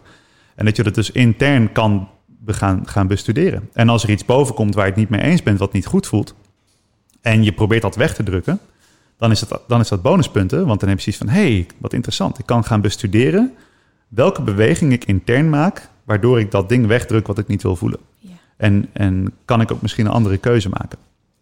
Ehm, dus het is echt dood eenvoudig eigenlijk elke dag een beetje tijd wegzetten voor jezelf. Om, om die vraag te, gewoon te gaan Ja. stellen aan jezelf ook. Zelfstudie, Zelfstudie, ja. je eigen gebruiksaanwijzing schrijven, Ja, toch? Dat Absoluut. is het een beetje. Dat is echt wat, wat het is, ja. Want ik merkte toen ik, ik ben twee jaar geleden begonnen met mediteren, dat voor mij is, de, is het de hele wereld veranderd. Ik zit hier nu tegenover jou in iets wat ik zelf maak, wat ik Ja. een aantal jaar geleden helemaal niet voor me had gezien. En ik kon toen echt, als ik het even op mezelf kon trekken, heel erg goed zien dat ik bepaalde dingen in mijn leven deed die ik dacht dat goed moesten voelen, maar die helemaal geen geluk opleverden. Want Mhm.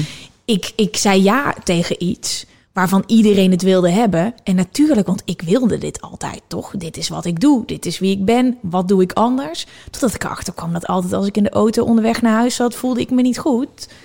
En had ik eigenlijk de volgende dag nog buikpijn. En dit bleef ik iedere keer herhalen. Ja. Dus waar, en, en dat is als je druk bent en altijd op je telefoon zit. 's ochtends de deur uitrent met een rijstwafel tussen je tanden eh, en door het leven race, is er helemaal geen moment om met jezelf in te checken. Ja. En voor mij een hele belangrijke, om het echt heel praktisch te maken, is, vra- is eigenlijk mezelf eraan te herinneren dat ik dood ga. En Ja. dat is een hele belangrijke voor mij. Dus om echt eh, te weten dat elke, elke seconde kan je gewoon je laatste zijn. Mhm. En nu zijn mensen eh, daar heel erg mee eh, bekommerd. Ze maken zich heel erg druk om, om wat er gaat gebeuren en gaat het leven. Maar uiteindelijk kun je jezelf, tenminste wat mij betreft, je kunt jezelf dus elke dag afvragen in de ochtend.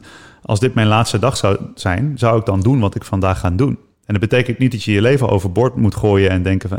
en, eh, als, als het komt, als dit mijn laatste dag zou zijn, zou ik, eh, zou ik alleen nog maar eh, Nee. feesten en. eh, wil op de lange termijn gewoon ook een maar leuk... Ja. maar de als je elke dag daarin kan ankeren van...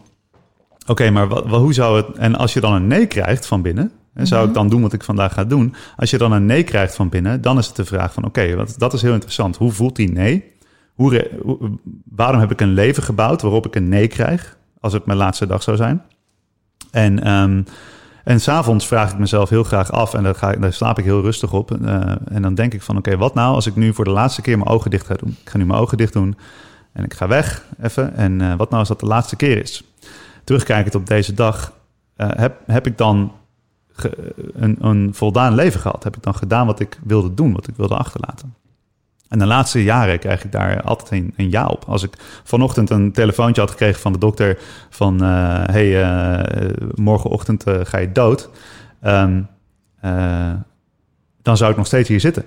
Ja. Sterker nog, dan zou ik zeggen... Gwen, heb je vijf uur voor me, want ik heb nog wat te vertellen aan de wereld. Weet je? Oh, wauw, Dus, ja. Ehm, en ik, ik zeg niet dat iedereen dat per se zo eh, moet hebben. Het is weer zo'n extreem ding. Casper doet weer raar, moet altijd aan de dood denken. Maar het is voor mij een hele belangrijke. Ik heb, eh, ik heb eh, mijn vision board had ik vroeger allemaal dingen. Zo van ik wil dat manifesteren en een vet huis en die auto. Zo heel specifiek, zo heel motivational.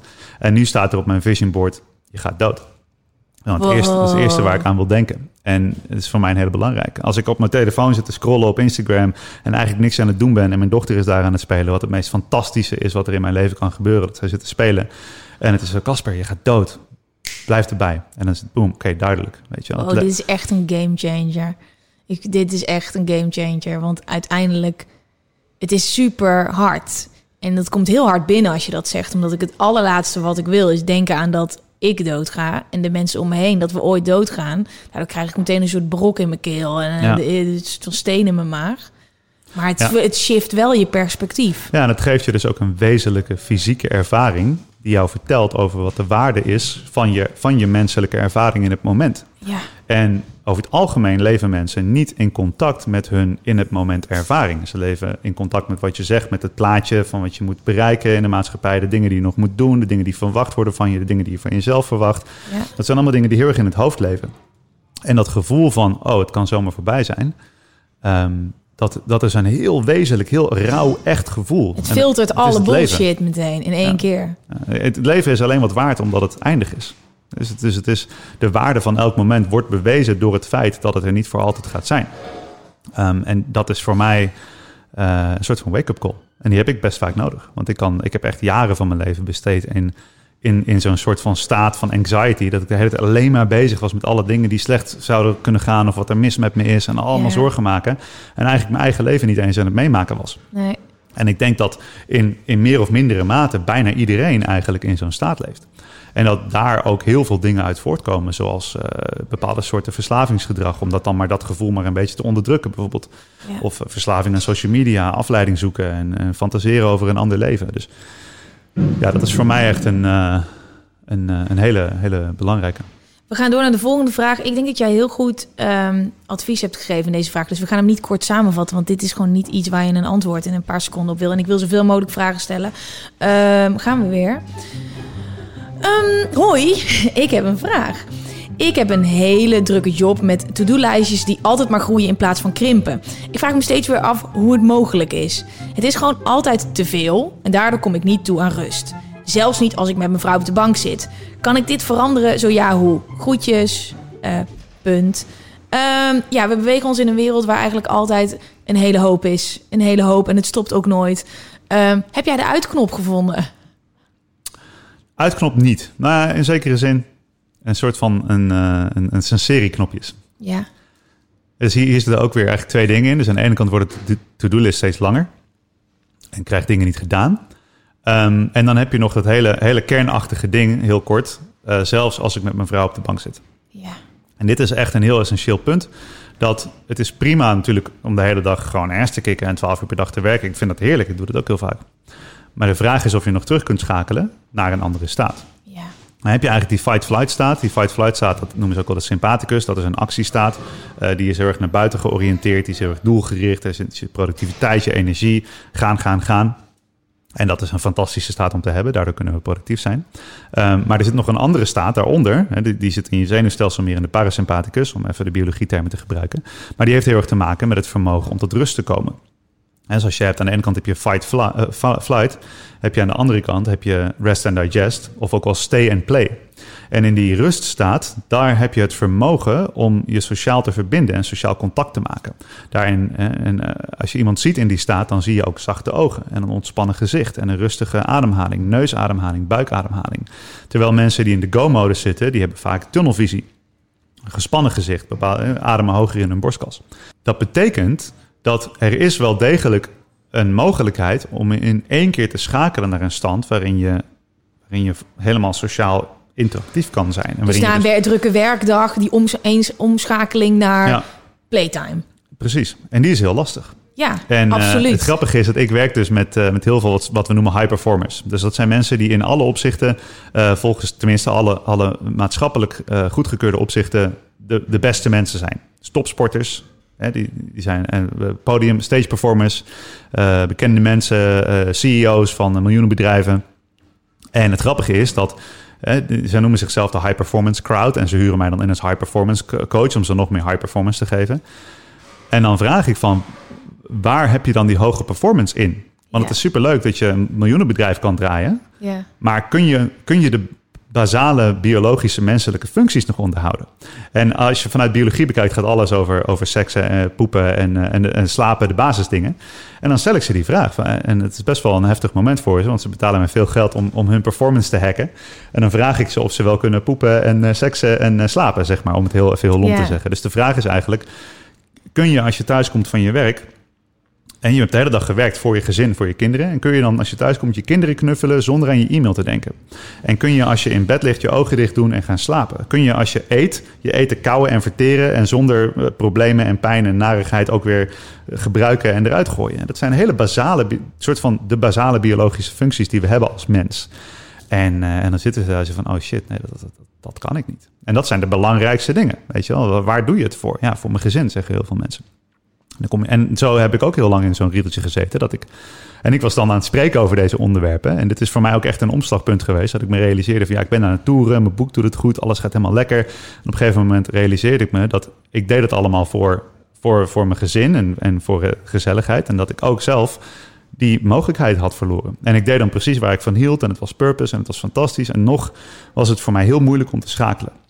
En eh, het leuke is dat daar wel hele eh, praktische eh, manieren voor zijn om te gaan schakelen.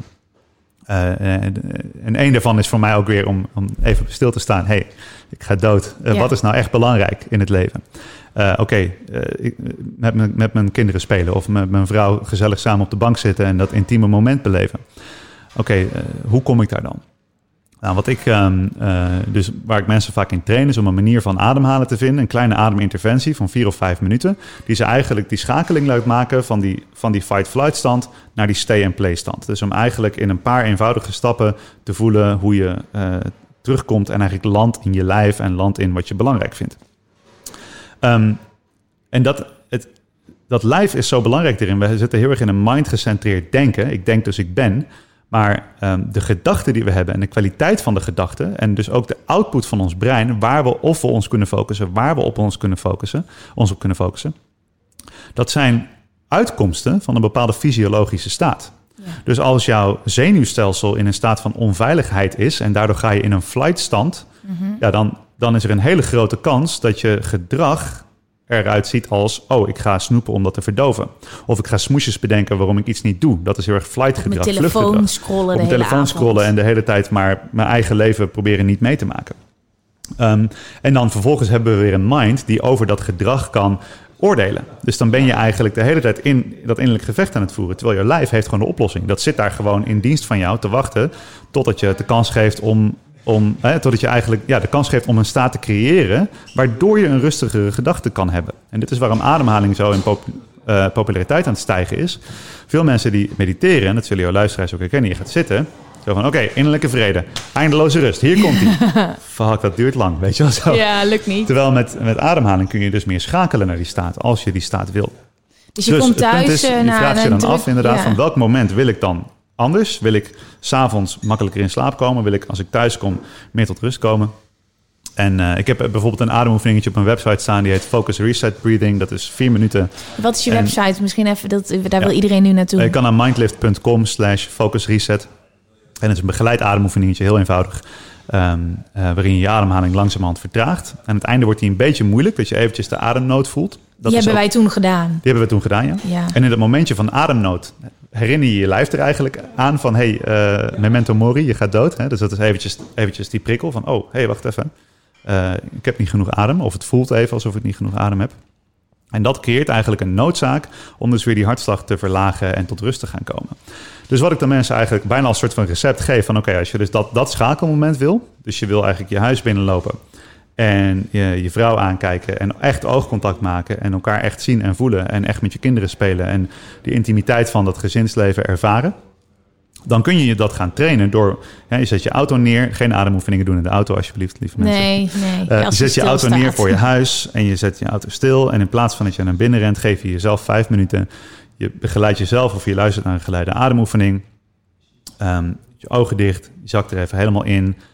En dan voel je misschien een gaap opkomen. Of je voelt misschien dat je ogen in een staarstand komen. Je voelt misschien dat het water een beetje in je mond loopt. Het zijn allemaal tekenen dat je afdaalt naar die rustige, die rest and digest kant. Naar die stay and play kant van je zenuwstelsel.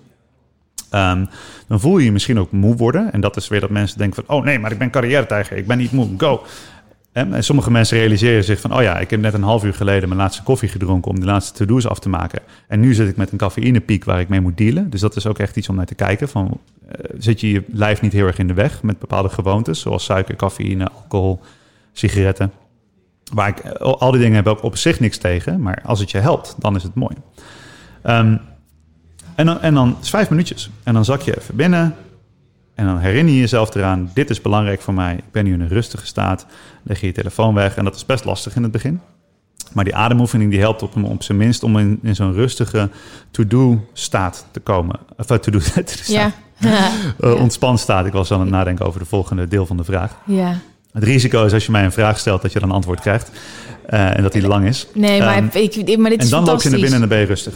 Op het andere deel van de vraag terug te Ja. To-do-lijst die altijd maar langer wordt. We hebben de aanname, hebben we ook op school geleerd. Er zijn in alle opzichten ingeprent. Als, je, als het niet lukt, moet je gewoon langer je best doen en beter je best doen en meer focussen. Wat betekent, je gaat aan een taak beginnen. Het voelt niet helemaal lekker, je zit stil, je lijf eh, wordt lui, je doorbloeding gaat omlaag, het gaat minder bloed naar je brein. En na 20 minuten zit je een soort van als een zombie te proberen die taak af te maken. Ehm, en dan ga je dus veel minder effectief, veel minder efficiënt ga je werken. Je komt in een onhandige houding, je schouder gaat pijn doen, je gaat in je, borst ademen. Het is altijd een hele cascade van dingen die gebeuren, wat over tijd in je gewoontes komt. Wat je ook kunt doen, is als je een uur hebt om te werken, kun je zeggen van oké, ik ga in plaats van uh, een soort van marathon lopen op een heel laag pitje, maar proberen om er doorheen te kopen, komen, kun je ook zeggen, ik ga intervals doen, ik ga sprintjes trekken. Ik zet een timer voor 20 minuten, op 20 minuten concentreren, dat lukt wel. Wat ik het liefste doe, is een taak die, waar ik eigenlijk niet zoveel tijd mee bezig wil zijn. Bijvoorbeeld e-mails beantwoorden. Oké, ik heb 30 minuten om e-mails te beantwoorden. Dan ga ik een timer zetten op 20 minuten. En dan, dan heb je die, beetje dat deadline gevoel van... oké, het is een challenge, ik ga ervoor. Ik ga echt ass kicken op deze. Timer gaat aan, 100% focus, geen afleidingen, niks. Focus muziekje op koptelefoon. Gaan, gaan, gaan, gaan, gaan. Zodra de timer gaat, laat je alles vallen. Sta je op en ga je bewegen. En geef jezelf 5 minuten pauze dan zal je zien dat die vijf minuten pauze... en in die pauze moet je vooral niet nog op je telefoon kijken... maar alle dingen doen die je brein helpen om tot rust te komen.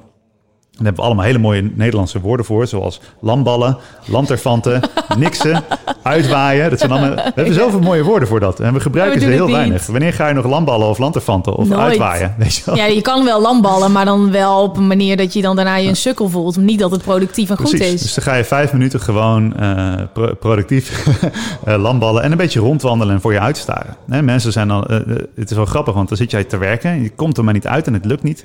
En dan loop je, oh fuck it, loop je weg van je, van je bureau en dan ga je naar de play en op play heb je opeens het, het geniale idee. En dan denk je van, oh, wat een, uh, wat een vrede speling van het lot dat ik hier mijn goede idee krijg terwijl ik het daar nodig heb. Of even wandelen en met je gedachten afdwalen was de voorwaarden, fysiologisch, waardoor je brein weer dat idee kon hebben. Ja, want Dus- we staren ons zo dood soms Precies. op dingen die we, we... We gaan voor een scherm zitten en dan verwachten we dat we nu het allerbeste idee, creativiteit, Ja. alles in één keer voor ons ligt. Terwijl je geeft je hoofd helemaal niet de tijd om dingen te verwerken. Absoluut. En dit is ook hoe ik mijn boek heb geschreven in 30 dagen. Ik, ik kon niet uren achter elkaar schrijven, want ik had helemaal niet zoveel concentratie. Maar wat ik wel kon, 20 minuten, gaan, gaan. Gewoon fucking handen op, toetsenbord rammen. Maakt niet uit als er maar dingen op papier komen. Timer gaat, weglopen, bewegen. Eh, ik maak graag muziek. Dat helpt me heel erg om, om een soort van te rechargen. Wat ervoor zorgde dat ik dus in een uur twee blokken van 20 minuten ging werken. En twee keer vijf minuten pauze had en nog 10 minuten over had om losse eindjes op te lossen. Maar die had ik vaak niet nodig. Dus het kwam erop neer dat ik 40 minuten aan het werken was. En dus in die 40 minuten alles afkreeg. En dus twee keer zoveel pauze had als normaal. En dit was voor mij ook een inzicht toen ik stopte met roken. Dat is heel grappig. Ik stopte met roken en opeens nam ik geen pauzes meer. Zo. Toen ik rookte was het zo van... hé, hey, luister, het maakt me niet uit wat er, gebeurt, wat er moet gebeuren. Mijn lijf zegt, tijd om te roken. Ja. Dus nu ga ik roken. En dan Ja. gaf ik mezelf een pauze. En toen rookte ik niet meer. En toen had ik niet meer dat momentje van verbroedering in het rookhok... met mijn rookbroeders, weet je wel. Even ouwehoeren en eh, een beetje voor je uitkijken. Ademoefeningen doen, diep ademen. Is dat dan wel... het is beter om dat zonder rook te doen. Maar in zekere zin is het een mindfulness momentje met je sigaret. Dat is, ook, dat is de, de payoff die mensen ervan krijgen. Nou, dit is geen reclame om te gaan roken. Maar wat nou als je in plaats van met een sigaret diepe ademteugen neemt... gewoon naar buiten gaat met je maten en een paar diepe ademteugen neemt. Ja. Zonder die sigaret. Het grappige is, toen werd ik weer als mafkees aangestippeld. En dus als mijn maten naar buiten gingen om te roken en ik ging mee, dan was ik gewoon een van de rokers. En als ik precies hetzelfde ging doen, maar zonder een sigaret en ik ging gewoon daar staan en diepe ademteugen nemen, dan was Casper weer raar aan het doen, weet je wel. Dus, ehm, dus dat zijn twee heel eenvoudige dingen. Doe een ademoefening in de auto of in de trein. Of nou, ja, in de trein wil je ook niet in slaap vallen, maar op een plek waar je even kan aarden. Zelfs door te zeggen, af te spreken met je gezin van als ik thuis kom, verdwijn ik 10 minuten en dan kom ik terug als een leuke papa. Of ik kom thuis en ik heb niet 10 minuten voor mezelf en ik kom terug als een gestreste papa. En daar gewoon een afspraak voor jezelf mee te maken.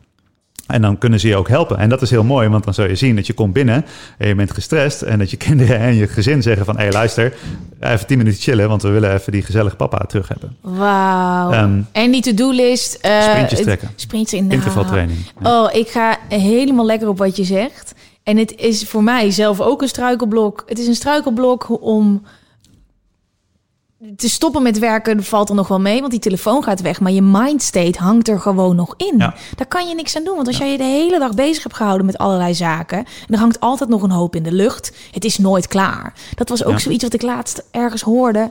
Ik, wil al, ik heb altijd onrust aan het einde van een dag. Want er is altijd nog zoveel dat je moet doen.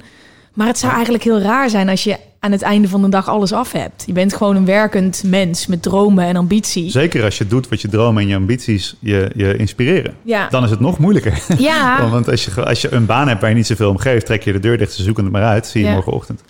Maar en in alle eerlijkheid, en mensen die mij kennen, die weten dit, ik ben hier verre van perfect in. En dit is weer zoiets de reden dat ik expert ben op dit gebied, is omdat ik het keihard nodig heb. En ik heb zelfs momenten gehad dat ik gewoon echt moest gaan zitten met mijn eigen boek. En echt even mijn ego zo weg. Oké, ik, ik moet echt weer even zelf gaan toepassen. Weet je? Maar dus dat het is zo hoeft ook niet perfect. Ik voel me soms ook zo'n leugenaar dat ik zo de, eh, de mensen het over meditatie en stress verminderen en dat ik dan iets vertel wat ik dan eh, heb- ergens heb gelezen wat ik fantastisch vind. En dan zit ik als een soort balletje stress op de bank zo naast mijn vriend zo die dan zegt we zouden toch samen een film kijken en dan had Ja. ik zo met één hand de telefoon en, de, en, en dat zegt hij ook soms. Van Jezus, weet je wel. Luister gewoon naar wat je anderen zegt. Volg je eigen advies is. Maar het is grappig dat je dat Ja. zegt. Want juist, jij vindt dit zo interessant. En ik waarschijnlijk ook. Omdat het bij ons iets is waar we zelf mee spelen. Ja, en ik denk dat het ook heel goed is dat jij die, ro- deze rol aanneemt, omdat jij niet eh, gezien wordt als meditatieguru. Nee. En ik heb het nadeel dat mensen mij wel eens zo zien, omdat Ja. ik een beetje wijs kan lullen over deze dingen. Maar dat, dat, ik, soms zetten mensen me op een voetstuk dat ik echt denk van nee, Ja. dat is het punt niet. Het punt is juist dat, wat ik, ik zeg niet, kijk, ik ben de expert, ik doe het perfect. Ik zeg van, hé, hey, dit is fucking moeilijk, toch? Met z'n met Ja. allen zijn we het erover eens. Oké, Ja. dit is moeilijk. Ik vind het ook heel erg moeilijk. Maar dit werkt voor mij. En het werkt voor heel veel mensen. En het wordt daar iets beter voor. En het is de moeite waard om de energie in te stoppen. We gaan door naar de volgende vraag. Hey Gwen, Ehm, wanneer is een ademhalingssessie effectief? Als in werkt dat als je 10 minuten doet, één keer per week, of wanneer je het nodig hebt? Of werkt het alleen als je het vaker doet? Nou, daar hebben we eigenlijk al een beetje over gehad. Ja, op alles, behalve de laatste. Oké, gaan we door. We hebben echt superveel vragen, dus ik laten we er met vooral doorgaan. Ehm. Hey, Gwen en Casper. Ik heb twee jaar geleden een burn-out gehad. En ik heb toen gemerkt dat de spanning zich vaak, vaak opkropte in mijn buik. Ik weet dat door te letten op mijn ademhaling de spanning minder wordt. Maar toch merk ik het vaak te laat. Dan reageer ik kortaf, gespannen en is mijn lontje erg kort. Mijn ademhaling voelt dan oppervlakkig. En ik probeer op dat moment vaak even een ademhalingsoefening te doen via bijvoorbeeld Headspace. Toch zou, ik het, eh, toch zou ik deze situatie het liefst voorkomen. Zijn er tips, tricks of oefeningen om ervoor te zorgen dat je de hele dag lekker doorkomt en dat je dat gehaast en opgejaagde gevoel voor kan zijn? Liefs. Bam. Bam. Ja, dit wil natuurlijk iedereen. Fantastisch. Tips en tricks Ja. om de dag gewoon relaxed door te komen. Maar dat thuiskomen hebben we net al getackeld. Maar dit is Ja. voor, voordat je gaat beginnen. Nou, deze persoon laat al een heel hoge eh, mate van zelfinzicht zien. Ja. Dus dat is belangrijk. Als je dat bewustzijn hebt, dan kun je daar een interventie gaan plaatsen. Ehm, Door die rust te vinden. hè. Dus sommige mensen die luisteren misschien naar deze vraag en die denken...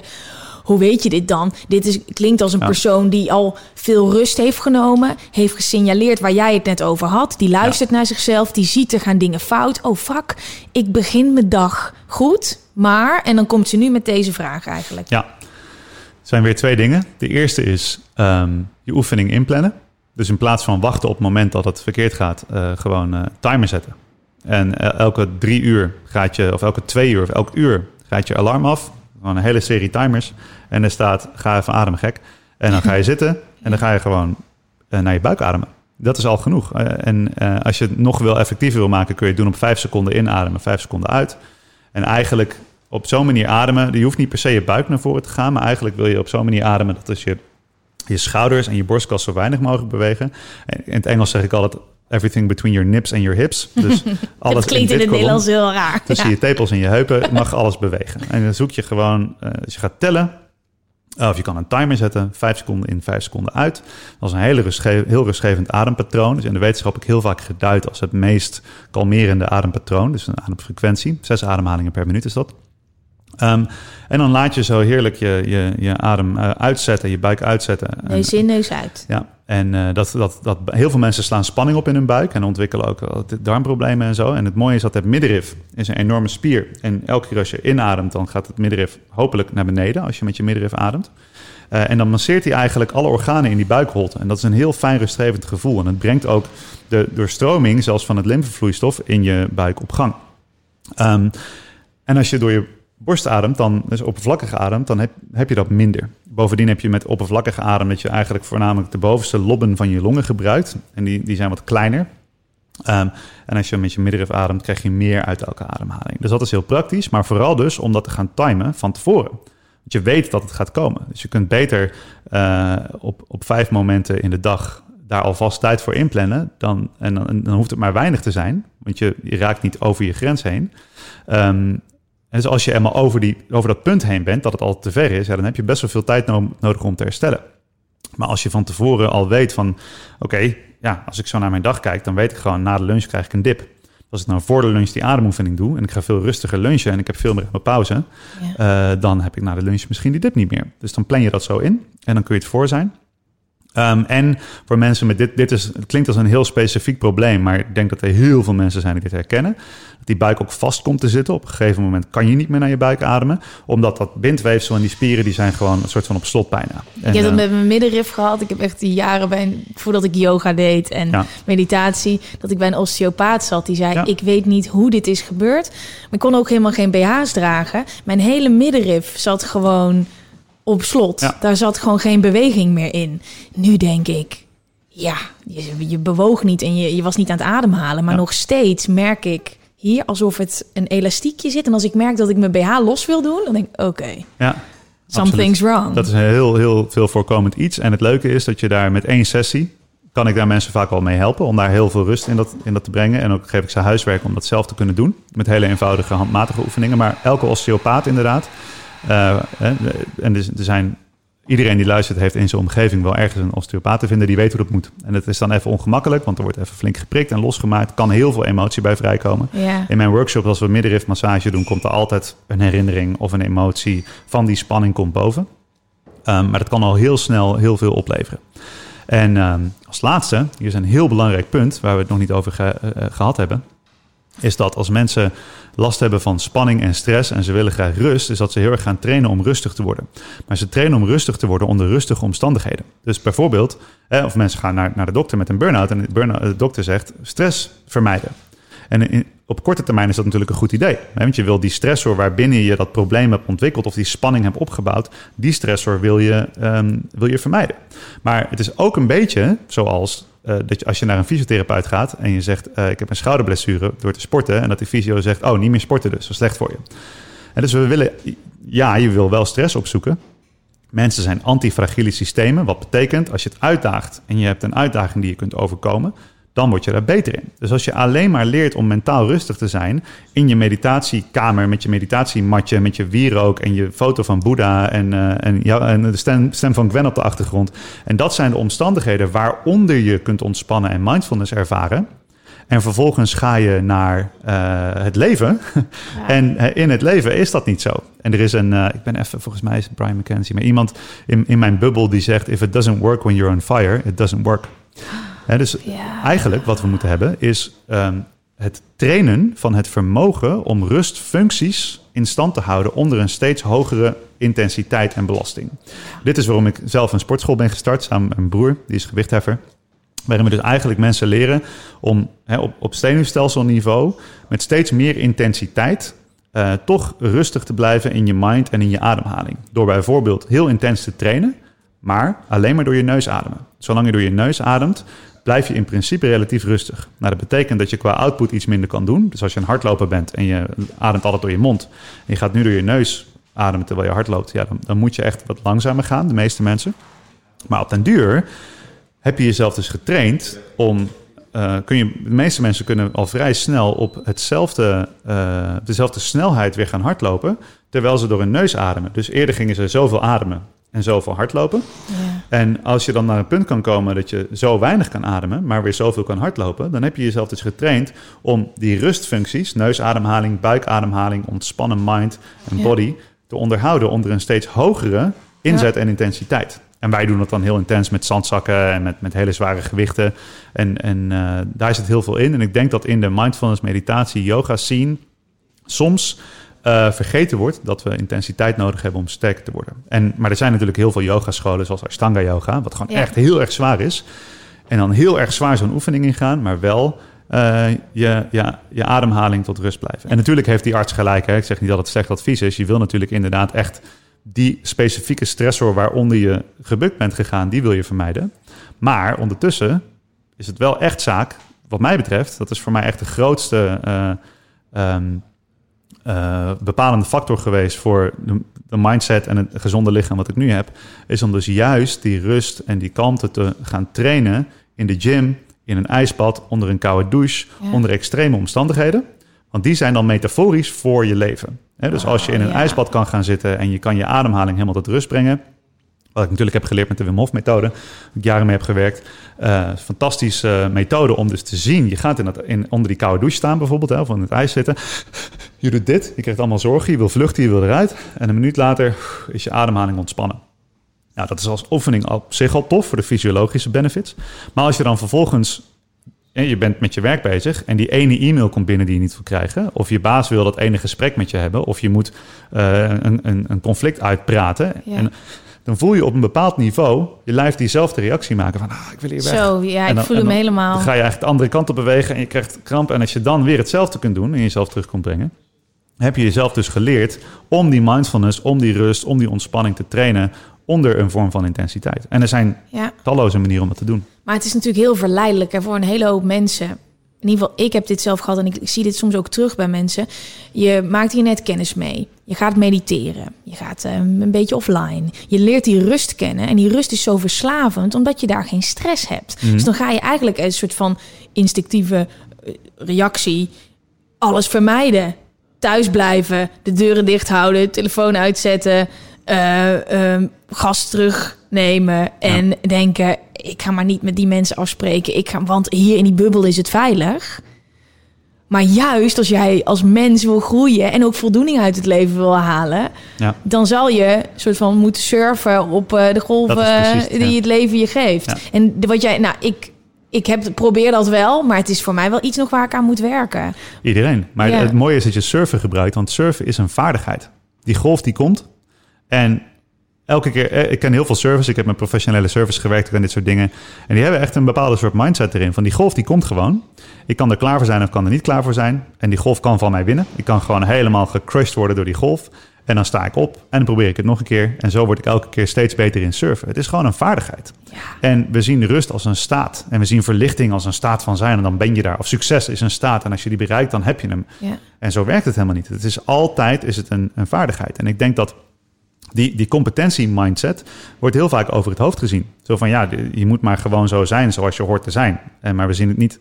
We, kijken eh, niet naar de, de, de vaardigheden, de skillset, de oefeningen die je kunt doen om daar te komen. En wat ik heb geleerd in mijn hele pad is dat in principe is zijn bijna al die dingen zijn te oefenen. Ja, en sommige mensen hebben een voorsprong omdat ze talent hebben. Sommige mensen hebben een achterstand omdat ze een genetisch eh, iets tegen hebben zitten. Tuurlijk, maar uiteindelijk moet iedereen gewoon oefenen. Het is een vaardigheid.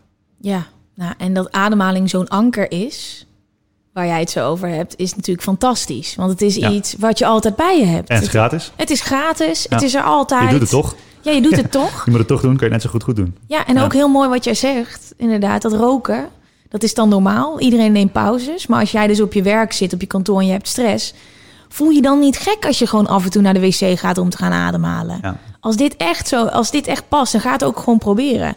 Ik ga dit echt proberen, want ik vind die, die start van mij gaat supergoed. S'avonds terugschakelen, medium. Die ga ik proberen. Maar ik ga dit ook echt door mijn dag heen pompen. Want, en en die, die timers zetten. Ik ga dit echt doen. Ik, eh, ik, ja, je weet, ik weet het vaag.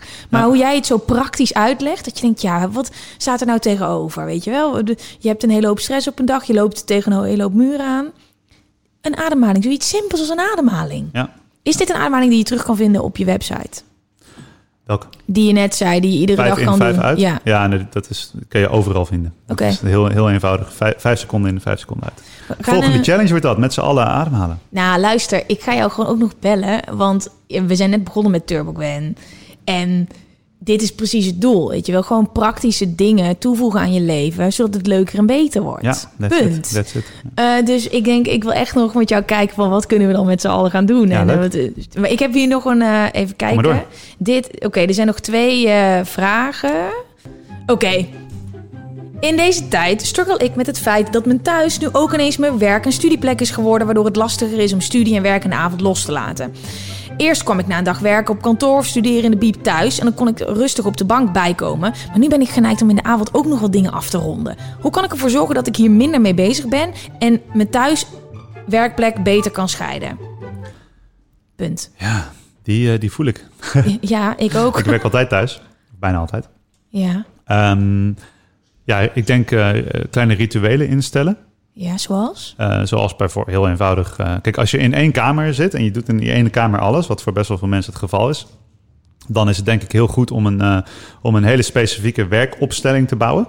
Eh, en te bouwen zeg ik, hè, dus dat betekent dat bijvoorbeeld je eettafel, dat je alles ervan afhaalt en dat je daar een werk-eettafel van maakt. En dat je aan het einde van de dag ook alles weer eraf haalt en het weer helemaal terugstelt. Dus als je puur het, echt een ritueel van maakt van nu ga ik de werkmodus in, dat je allemaal fysieke dingen daarbij doet.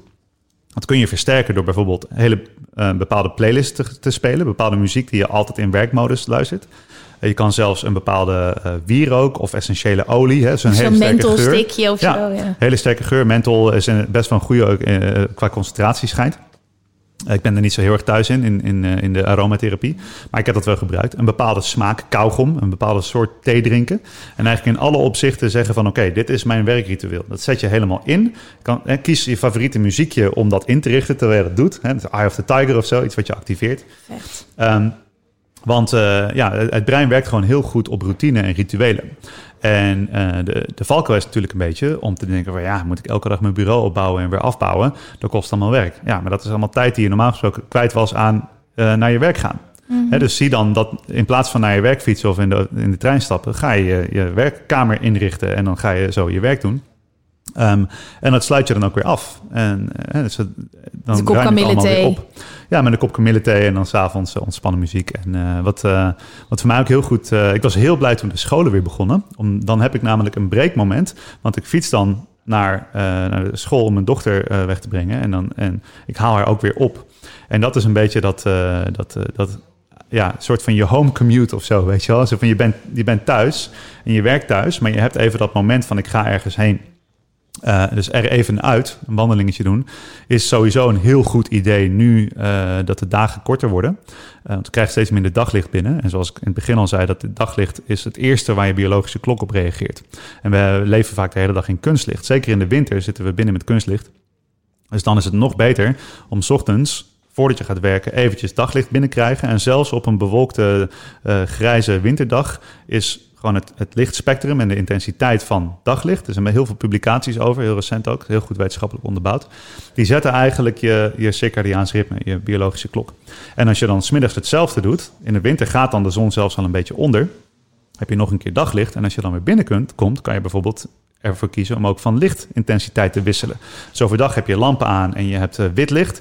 En dan s'avonds doe je bijvoorbeeld kaarsen aan. En dan ga je lekker lezen bij kaarslicht. Uh, ah. Dat is sowieso een goed idee. Oh, het zijn allemaal van die hele kleine dingetjes ja. die je voor lief neemt, die automatisch gaan, waar je zo'n groot verschil mee kan Absoluut, maken. Ja. Mooi. Ritueel. Okay. We hebben uh, de laatste vraag. Dat is een hele fijne afsluiter. Hey, ik ben een Kasper. Hey. Nee, dat was een andere. Ik heb een vraag voor Casper. ik ben een ontzettend moeilijke slaper en ik heb hier alles al voor geprobeerd. Denk aan meditatie, me medicatie, sporten. Zei ik nou twee keer medicatie? Meditatie, medicatie, sporten, juist niet sporten, lezen, thee, etc. Wanneer ik niet kan slapen, probeer ik heel rustig te worden en te letten op mijn ademhaling. Maar ik word hier vaak alleen maar gestrest ervan. Mhm. Pas wanneer ik accepteer dat ik niet kan slapen, val ik in slaap. Hoe kan dit? En hoe kan ik ervoor zorgen dat ik het niet slapen sneller los kan laten, zodat ik juist wel kan slapen? Wow. Bam, bam, bam. Inception, maar ik begrijp Ja. precies wat hier wordt Absoluut. gezegd. En om hem even mooi af te ronden, we zijn eigenlijk met jou door een hele dag heen gelopen. Je hebt ons allemaal tips en tricks gegeven. Slaap is belangrijk, toch? Heel belangrijk. Ja. Hoeveel uur slaap jij per nacht? Zeven of acht. Oké, Ja. en eh, hoe ben je erachter gekomen dat dit voor jou eh, ideaal is? Is dit bij iedereen tussen de zeven of acht uur of is dat bij iedereen anders? Eh, op papier, in theorie, is dat, is dat zo, ja. En er zijn de, de, de slaapwetenschappers. En ik, dit is natuurlijk allemaal... ik heb het allemaal bestudeerd, hè, al die literatuur. Niet alle literatuur, maar... Het is voor mij een groot onderwerp geweest. Omdat er, er, zijn wel mensen die zeggen van... ik kan met minder af. Maar op de lange termijn is er eigenlijk geen substituut voor slaap. En het is ook raar om te denken ehm, dat, het, dat het belangrijk is om minder te slapen. En eh, in het boek eh, Why We Sleep, volgens mij heet de auteur Matt Walker, moet ik even checken nog, maar die zegt heel mooi in het begin van: het is raar om te denken dat we besteden een derde van ons leven besteden we aan slaap. Ja. Dus het is heel vreemd om te denken dat daar minder belangrijkere dingen gebeuren dan in de twee derde dat we wakker zijn. ja. Ehm, dus voor mij, eh, eh, mijn dochter werd geboren, mijn boek kwam uit, dezelfde fase. Mijn boek deed goed in Amerika. Eh, mijn dochter sliep de eerste negen maanden niet alleen maar huilen. was heel zwaar. Mentaal echt extreem zware periode. En ik allemaal jetlags. Dus ik heb de afgelopen twee jaar nog steeds, eigenlijk bouw ik er dagelijks aan om mijn slaap goed te krijgen. En nu slaap ik weer goed. Dus één ding eh, wat voor mij helpt is om te meten, om bij te houden. Er zijn verschillende tools waarmee je dat kan doen. Ehm, Fitbit. de Fitbit doet het niet zo heel goed, maar dit is de Aura Ring die ik gebruik. Dus het is een ring is met drie dat? sensoren erin. En die houdt s'nachts mijn kerntemperatuur bij, mijn hartslagvariabiliteit, ehm, mijn Aura ademtempo. Ja. Is een Fins bedrijf. Ik ken die lui ook. Echt eh, een heel tof eh, product. En die geeft mij 's ochtends eigenlijk een meting. En die vertelt me hoeveel eh, diepe slaap, remslaap en ondiepe slaap ik heb gehad. En op basis daarvan en ook wat mijn ademtempo was. Dus hoe snel ik heb geademd. Wat mijn kerntemperatuur was. En mijn hartslagvariabiliteit. Dat is een hele belangrijke meter om te weten hoe eh, hersteld je bent. Hoe gestrest je bent. Dat helpt er. Meten is weten. Dat is, dat is dus een Maar dat kan ook op, op allerlei andere manieren, toch? er is, maar een, er is een apparaat heet Whoop. Ik denk dat Fitbit doet het aardig. eh, Apple Watch Apple doet het aardig. ja, dus precies, er zijn heel ja. veel manieren om dat te meten. Je kunt zelfs... eh, ik heb dan daarnaast nog heb ik mijn telefoon. Ik wil eigenlijk mijn telefoon niet bij me hebben. Maar ik wil ik, mijn ademhaling horen. En ook eh, ik ben bezig met mijn snurken helemaal weg te halen. Want ik kan zelfs met mijn mond dichtgetaped... kan ik snurken. Wauw, dat is een talent, talent. wel. Ja, echt talent. En ik heb dan ook nog een neusopener. Ik heb echt een heel raar slaapritueel, maar het werkt. Ik wil wel zien hoe jij Dus eruit ziet. ja, Zo dus ik heb een foto op mijn Instagram. Volg me op Instagram. Ja, En ik- volg, Casper's Focus. En ik heb dus echt eh oordopjes in en ik heb een slaapmasker op, zodat ik altijd even donker slaap. Ik heb een, een kussen dat, eh, wat heel compact inpakt voor als ik moet reizen, dat ik altijd onder dezelfde omstandigheden kan slapen. En ik heb dan ehm, eh, een neusopener Dus twee tapejes en een magnetisch ding, die trekt dan mijn neus. En dan heb ik opeens twee keer zo'n grote neus. Zodat ik door mijn neus kan ademen. En uh, mijn mond dicht getaped. Dus eigenlijk alles is dicht gestopt, behalve mijn neus, die is opengetrokken. Maar goed, zoals ik zei, ik, ik ben een, een mafkees. Um, dus dat, dat is iets wat mij helpt om goed te ademen door de nacht heen. Maar om even praktisch op deze vraag terug te komen. Er zijn een aantal dingen waarvan ik... Hè, mensen zeggen, ik heb alles geprobeerd. En je hebt nooit alles geprobeerd. Uh, als je er echt niet uit kan komen, meten is weten. Dus voor biohackers is het heel belangrijk om data te hebben. En op basis van die data kan je dan gaan kijken van... ja, wat gebeurt er eigenlijk? Veel mensen worden bijvoorbeeld midden in de nacht wakker. Ze, ze, vallen als een blok in slaap. Je gaat liggen en je bent meteen weg. En een paar uur later word je wakker en dan kan je niet meer slapen. Nou, dat kan een teken zijn dat je hormonale cyclus van dag en nacht niet goed meer draait. Waardoor je eigenlijk te moe naar bed gaat. En dan midden in de nacht de cortisolpiek krijgt. En eigenlijk word je, moet je ochtends gewekt worden door een cortisolpiek onder invloed van daglicht. En dat kan dus verschuiven eigenlijk. Zoals elke hormonale cyclus kan zich verschuiven. Um, dus iets wat uh, voor heel veel mensen heel goed werkt, uh, waar, waar ik het net ook over had, waar veel publicaties over zijn, maar wat veel mensen nog niet toepassen, is het veranderen van het soort licht wat je binnenkrijgt en wanneer. En het gaat dan vooral om lichtintensiteit. En er zijn best wel hele logische dingen. Dus door de dag heen, s ochtends als de, als de zon opkomt, zit er heel veel rood spectrum in het licht. En ons lijf reageert ook op dat rode spectrum op een bepaalde manier. Als het licht dan wit wordt, dus heel fel wit licht, zoals wat we hier in de studiolampen hebben, dan is dat een teken dat het dag is. En er is een bepaalde lichtintensiteit nodig om dus jouw biologische klok te vertellen, nu is het dag. Dan komt daar een bepaalde fysiologische reactie op, zoals bijvoorbeeld de aanmaak van een beetje cortisol. Daar word je wakker van en helder en alert. Um, en dan s'avonds uh, is het de bedoeling dat we het licht, onze lichtbron, die komt aan de horizon te staan. En die wordt weer rood en minder intens. En dat is een heel, heel belangrijke uh, signaalfactor voor je lijf om te weten welk moment van de dag het is. Um, dus het kan bijvoorbeeld al helpen om de lampen die je s'avonds aan uh, hebt uh, te dimmen, kaarsen te gebruiken en ze ook op horizon afstand te zetten en dat je ze niet boven je hebt zitten. Want als je dus fel licht recht van boven krijgt, dan is dat eigenlijk een daglichttrigger. Ja. Um, en dus ook s'avonds niet meer naar je scherm te kijken. Ik draag s'avonds ook een bril die het blauwe licht eruit filtert. Er zijn de meningen een beetje over verdeeld in de wetenschap of dat werkt. Oh, heb je, is dat een bril op sterkte? Nee, ik of draag gewoon, een... Je dacht een bril alleen voor het licht? Ja, dus het is een, een oranje bril die het blauwe licht eruit filtert. En dat is een beetje hetzelfde als wat die filters op je telefoon proberen te doen. Ja. En dit is een beetje een veld waarin de, de meningen verdeeld zijn. Er zijn wetenschappers en experts die, die die zeggen van ja, dat het gaat erom om minder licht binnen te krijgen en de kleur maakt niet uit. En er zijn mensen die zeggen nee, blauw licht is echt uh, de boosdoener. Um, maar hoe dan ook, s'avonds het licht dimmen al heel vroeg, uh, geen uh, nieuwe input krijgen. Um, van, vanuit de lichtbronnen. Want we ja. hebben niet alleen licht, maar ook informatie. Want het is een schermpje. En dat kun je doen door een bril te dragen of door kaarslicht te gebruiken. Um, en dan uh, dus eigenlijk zo donker mogelijk slapen is ook een belangrijke. Daarom draag ik ook een, een uh, slaapmasker. En een goede nacht begint al bij je ochtendritueel. Dus ochtends je klok zetten. Dat je lijf weet, nu begint de dag door naar buiten te gaan en daglicht binnen te krijgen. Dan heb je ook het voordeel dat je frisse lucht binnenkrijgt. Dat je even wat beweegt. En het liefst voordat je naar kunstlicht kijkt. Dus eigenlijk dat de eerste lichtprikkel na het donker zoveel mogelijk daglicht is. Dat schijnt te helpen. Dus uh, ik heb een soort van lichtdieet samengesteld voor mezelf. Over wanneer ik welke soort licht binnenkrijg. En uh, bepaalde dingen eruit gehaald, bepaalde dingen toegevoegd. In de winter, als ik wakker ben voordat er daglicht is, dan heb ik een, uh, een daglichtlamp. Die een beetje lijkt op een studiolamp. En uh, dat ik 10 minuten lang fel licht binnenkrijg van 10.000 lux. Je hebt zelfs een bril die je kan dragen. Die zet je dan op je hoofd. Gebruiken veel biohackers. en die schijnt van bovenaf een vrij felle lichtbron in je ogen.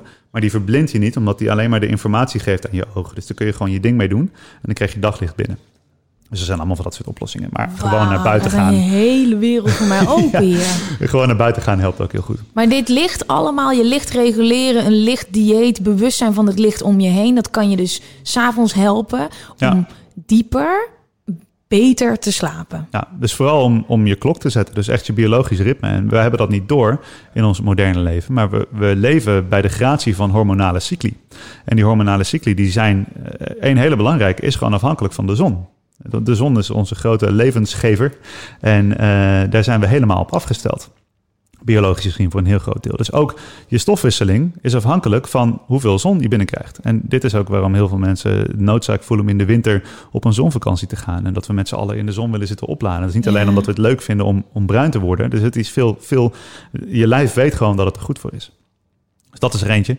Um, ik denk dat er zijn heel veel supplementen met melatonine. Dat vind ik een beetje, beetje sketchy. Want ja, dan speel je, dan ben je eigenlijk echt heel erg aan het, aan het inbreken op je ja, op, op een natuurlijke functie die je eigenlijk van nature wil laten opstarten. En melatonine is alleen maar het ga maar slapenhormoon en niet het blijf lekker slapenhormoon.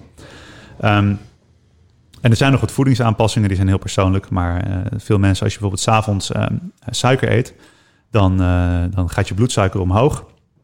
In reactie maakt je lijf insuline aan. En als je insuline aanmaakt, die zet even de cortisolreactie uit en dan kom je tot rust. Oftewel, van, van zoetigheid eten word je inderdaad eventjes rustig. Ja. En dan kun je ook weer hebben, de, hè, dus s'avonds heb je dat nodig om tot rust te komen. Een biertje, alcohol is ook gewoon suiker. En dus alcohol zelf gedraagt zich stofwisselingsgezien als een, als een suiker in die zin. Ja. Um, dus dan, dan val je daar lekker op in slaap. Maar dan opeens kun je bijvoorbeeld een piek, een dal krijgen. Uh, waardoor je lichaam het bloedsuiker wil herstellen. En dan maakt het weer een beetje cortisol aan om die bloedsuiker te herstellen. Waardoor je opeens wakker wordt met cortisol en je kan niet meer slapen en je ligt wakker met een druk hoofd. Ah, dus het is uh, voedingsaanpassingen kunnen helpen. Dus het kan bijvoorbeeld helpen om na je avondeten gewoon niet meer te eten. Als je dan suikercravings krijgt, wat veel mensen krijgen, dan doe je een ademoefening. Uh, en uh, is weer zo'nzelfde soort ademoefening als die ik zei, waarbij je lichaam tot rust komt. En vaak merken mensen dan dat ze geen suikercravings meer hebben, omdat ja, die stressstand die leeft op suiker. En als je uit de stressstand gaat, dan heb je minder behoefte aan die brandstof voor veel. Kan helpen. Al is het alleen al om een bewustzijnsmomentje ertussen in te bouwen. Ja. Um, en dan gewoon ouderwets kaarslicht en een boek lezen, ademoefeningen doen. Uh, en vooral meten. En dat is het ding, als je zegt, ik, heb, eh, ik had zelf ook, ik heb alles geprobeerd.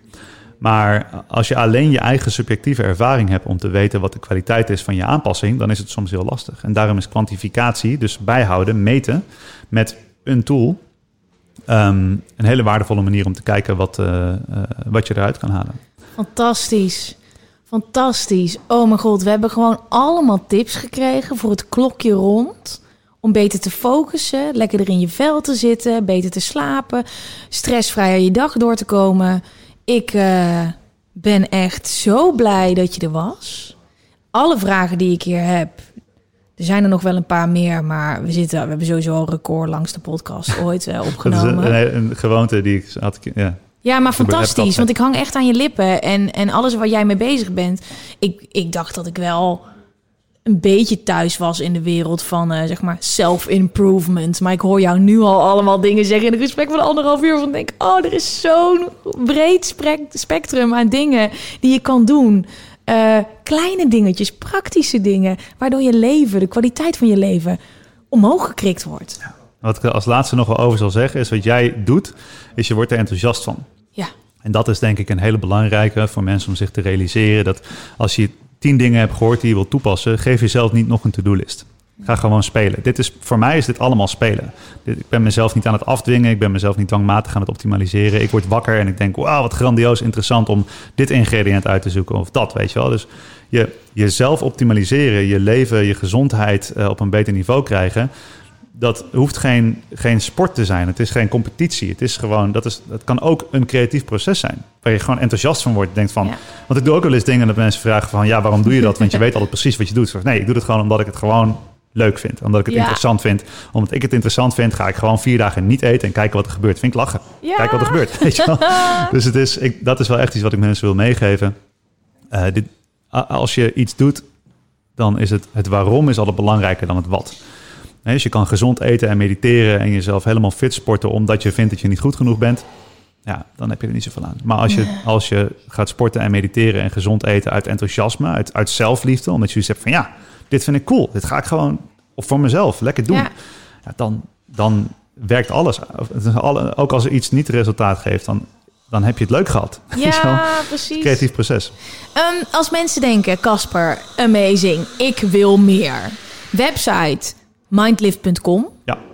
Wat nog meer? Want jij geeft ook trainingen. Ze kunnen bij jou terecht. Social media, YouTube. Ja, ja dus op mijn website uh, uh, is uh, informatie te vinden over mijn retreats en events. En um, ik spreek veel voor bedrijven ook. en op Instagram ben ik heel leuk te volgen. Oh ja, ik heb trouwens ik heb een, um, een link in mijn bio staan. En daar heb ik een opeenstapeling. Ik heb tijdens de coronaperiode heb ik allerlei gratis dingen gedaan. Gratis ademsessies online en oefeningen gemaakt en zo. Gewoon om, om lekker bezig te zijn. Uh, en die heb ik allemaal compiled in één uh, monster e-mail met een paar uur aan ademoefeningen en ook lezingen over deze dingen. Yes. En die staat in de link in mijn bio, dus die kun je gewoon vinden en eh, klikken en dan een hele bak gratis informatie. Oh, fantastisch. Ja, ik uh, uh, denk uh, dat ik ook af en toe ga kijken wanneer nieuwe retreats zijn. En ik wil veel meer van dit in ieder geval. Dus of dat nou nog met camera's erbij is, wie weet. of persoonlijk, ik ben echt fan. En ik ben echt super dankbaar dat jij hier was. Want in, in diezelfde dagen dan, nadat ik die op tijdloos was en die jouw sessie heb gevolgd, is heel Turbo Gwen ontstaan. En heeft het tweede seizoen van de podcast soort van uh, heeft het een beetje vorm gekregen, een andere vorm. Het zijn allemaal puzzelstukjes en daar was jij er één van. Dus dat jij hier dan ook vandaag zit, is heel vet. Wat leuk. Het is mijn ware eer. Ik vind het echt ja, leuk. Super fijn. Dankjewel. Dankjewel. Uh, fijn dat jullie hebben geluisterd. Uh, kick-ass iedere ochtend met mij tijdens hashtag met z'n allen mediteren. En dan zie ik jullie volgende week. Doei. Doei.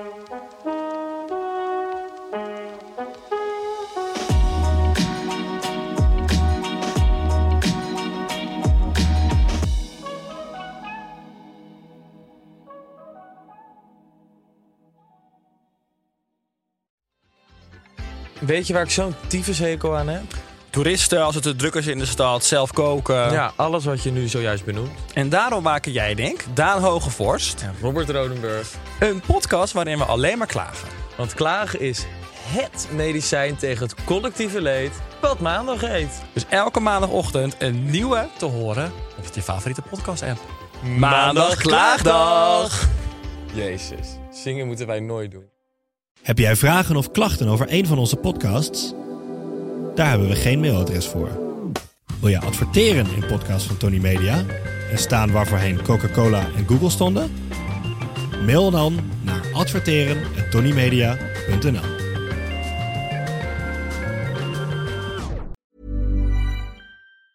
Hey, it's Danny Pellegrino from Everything Iconic. Ready to upgrade your style game without blowing your budget? Check out Quince. They've got all the good stuff shirts and polos, activewear, and fine leather goods, all at 50 to 80% less than other high end brands. And the best part? They're all about safe, ethical, and responsible manufacturing. Get that luxury vibe without the luxury price tag. Hit up quince.com slash upgrade for free shipping and 365 day returns on your next order. That's quince.com slash upgrade.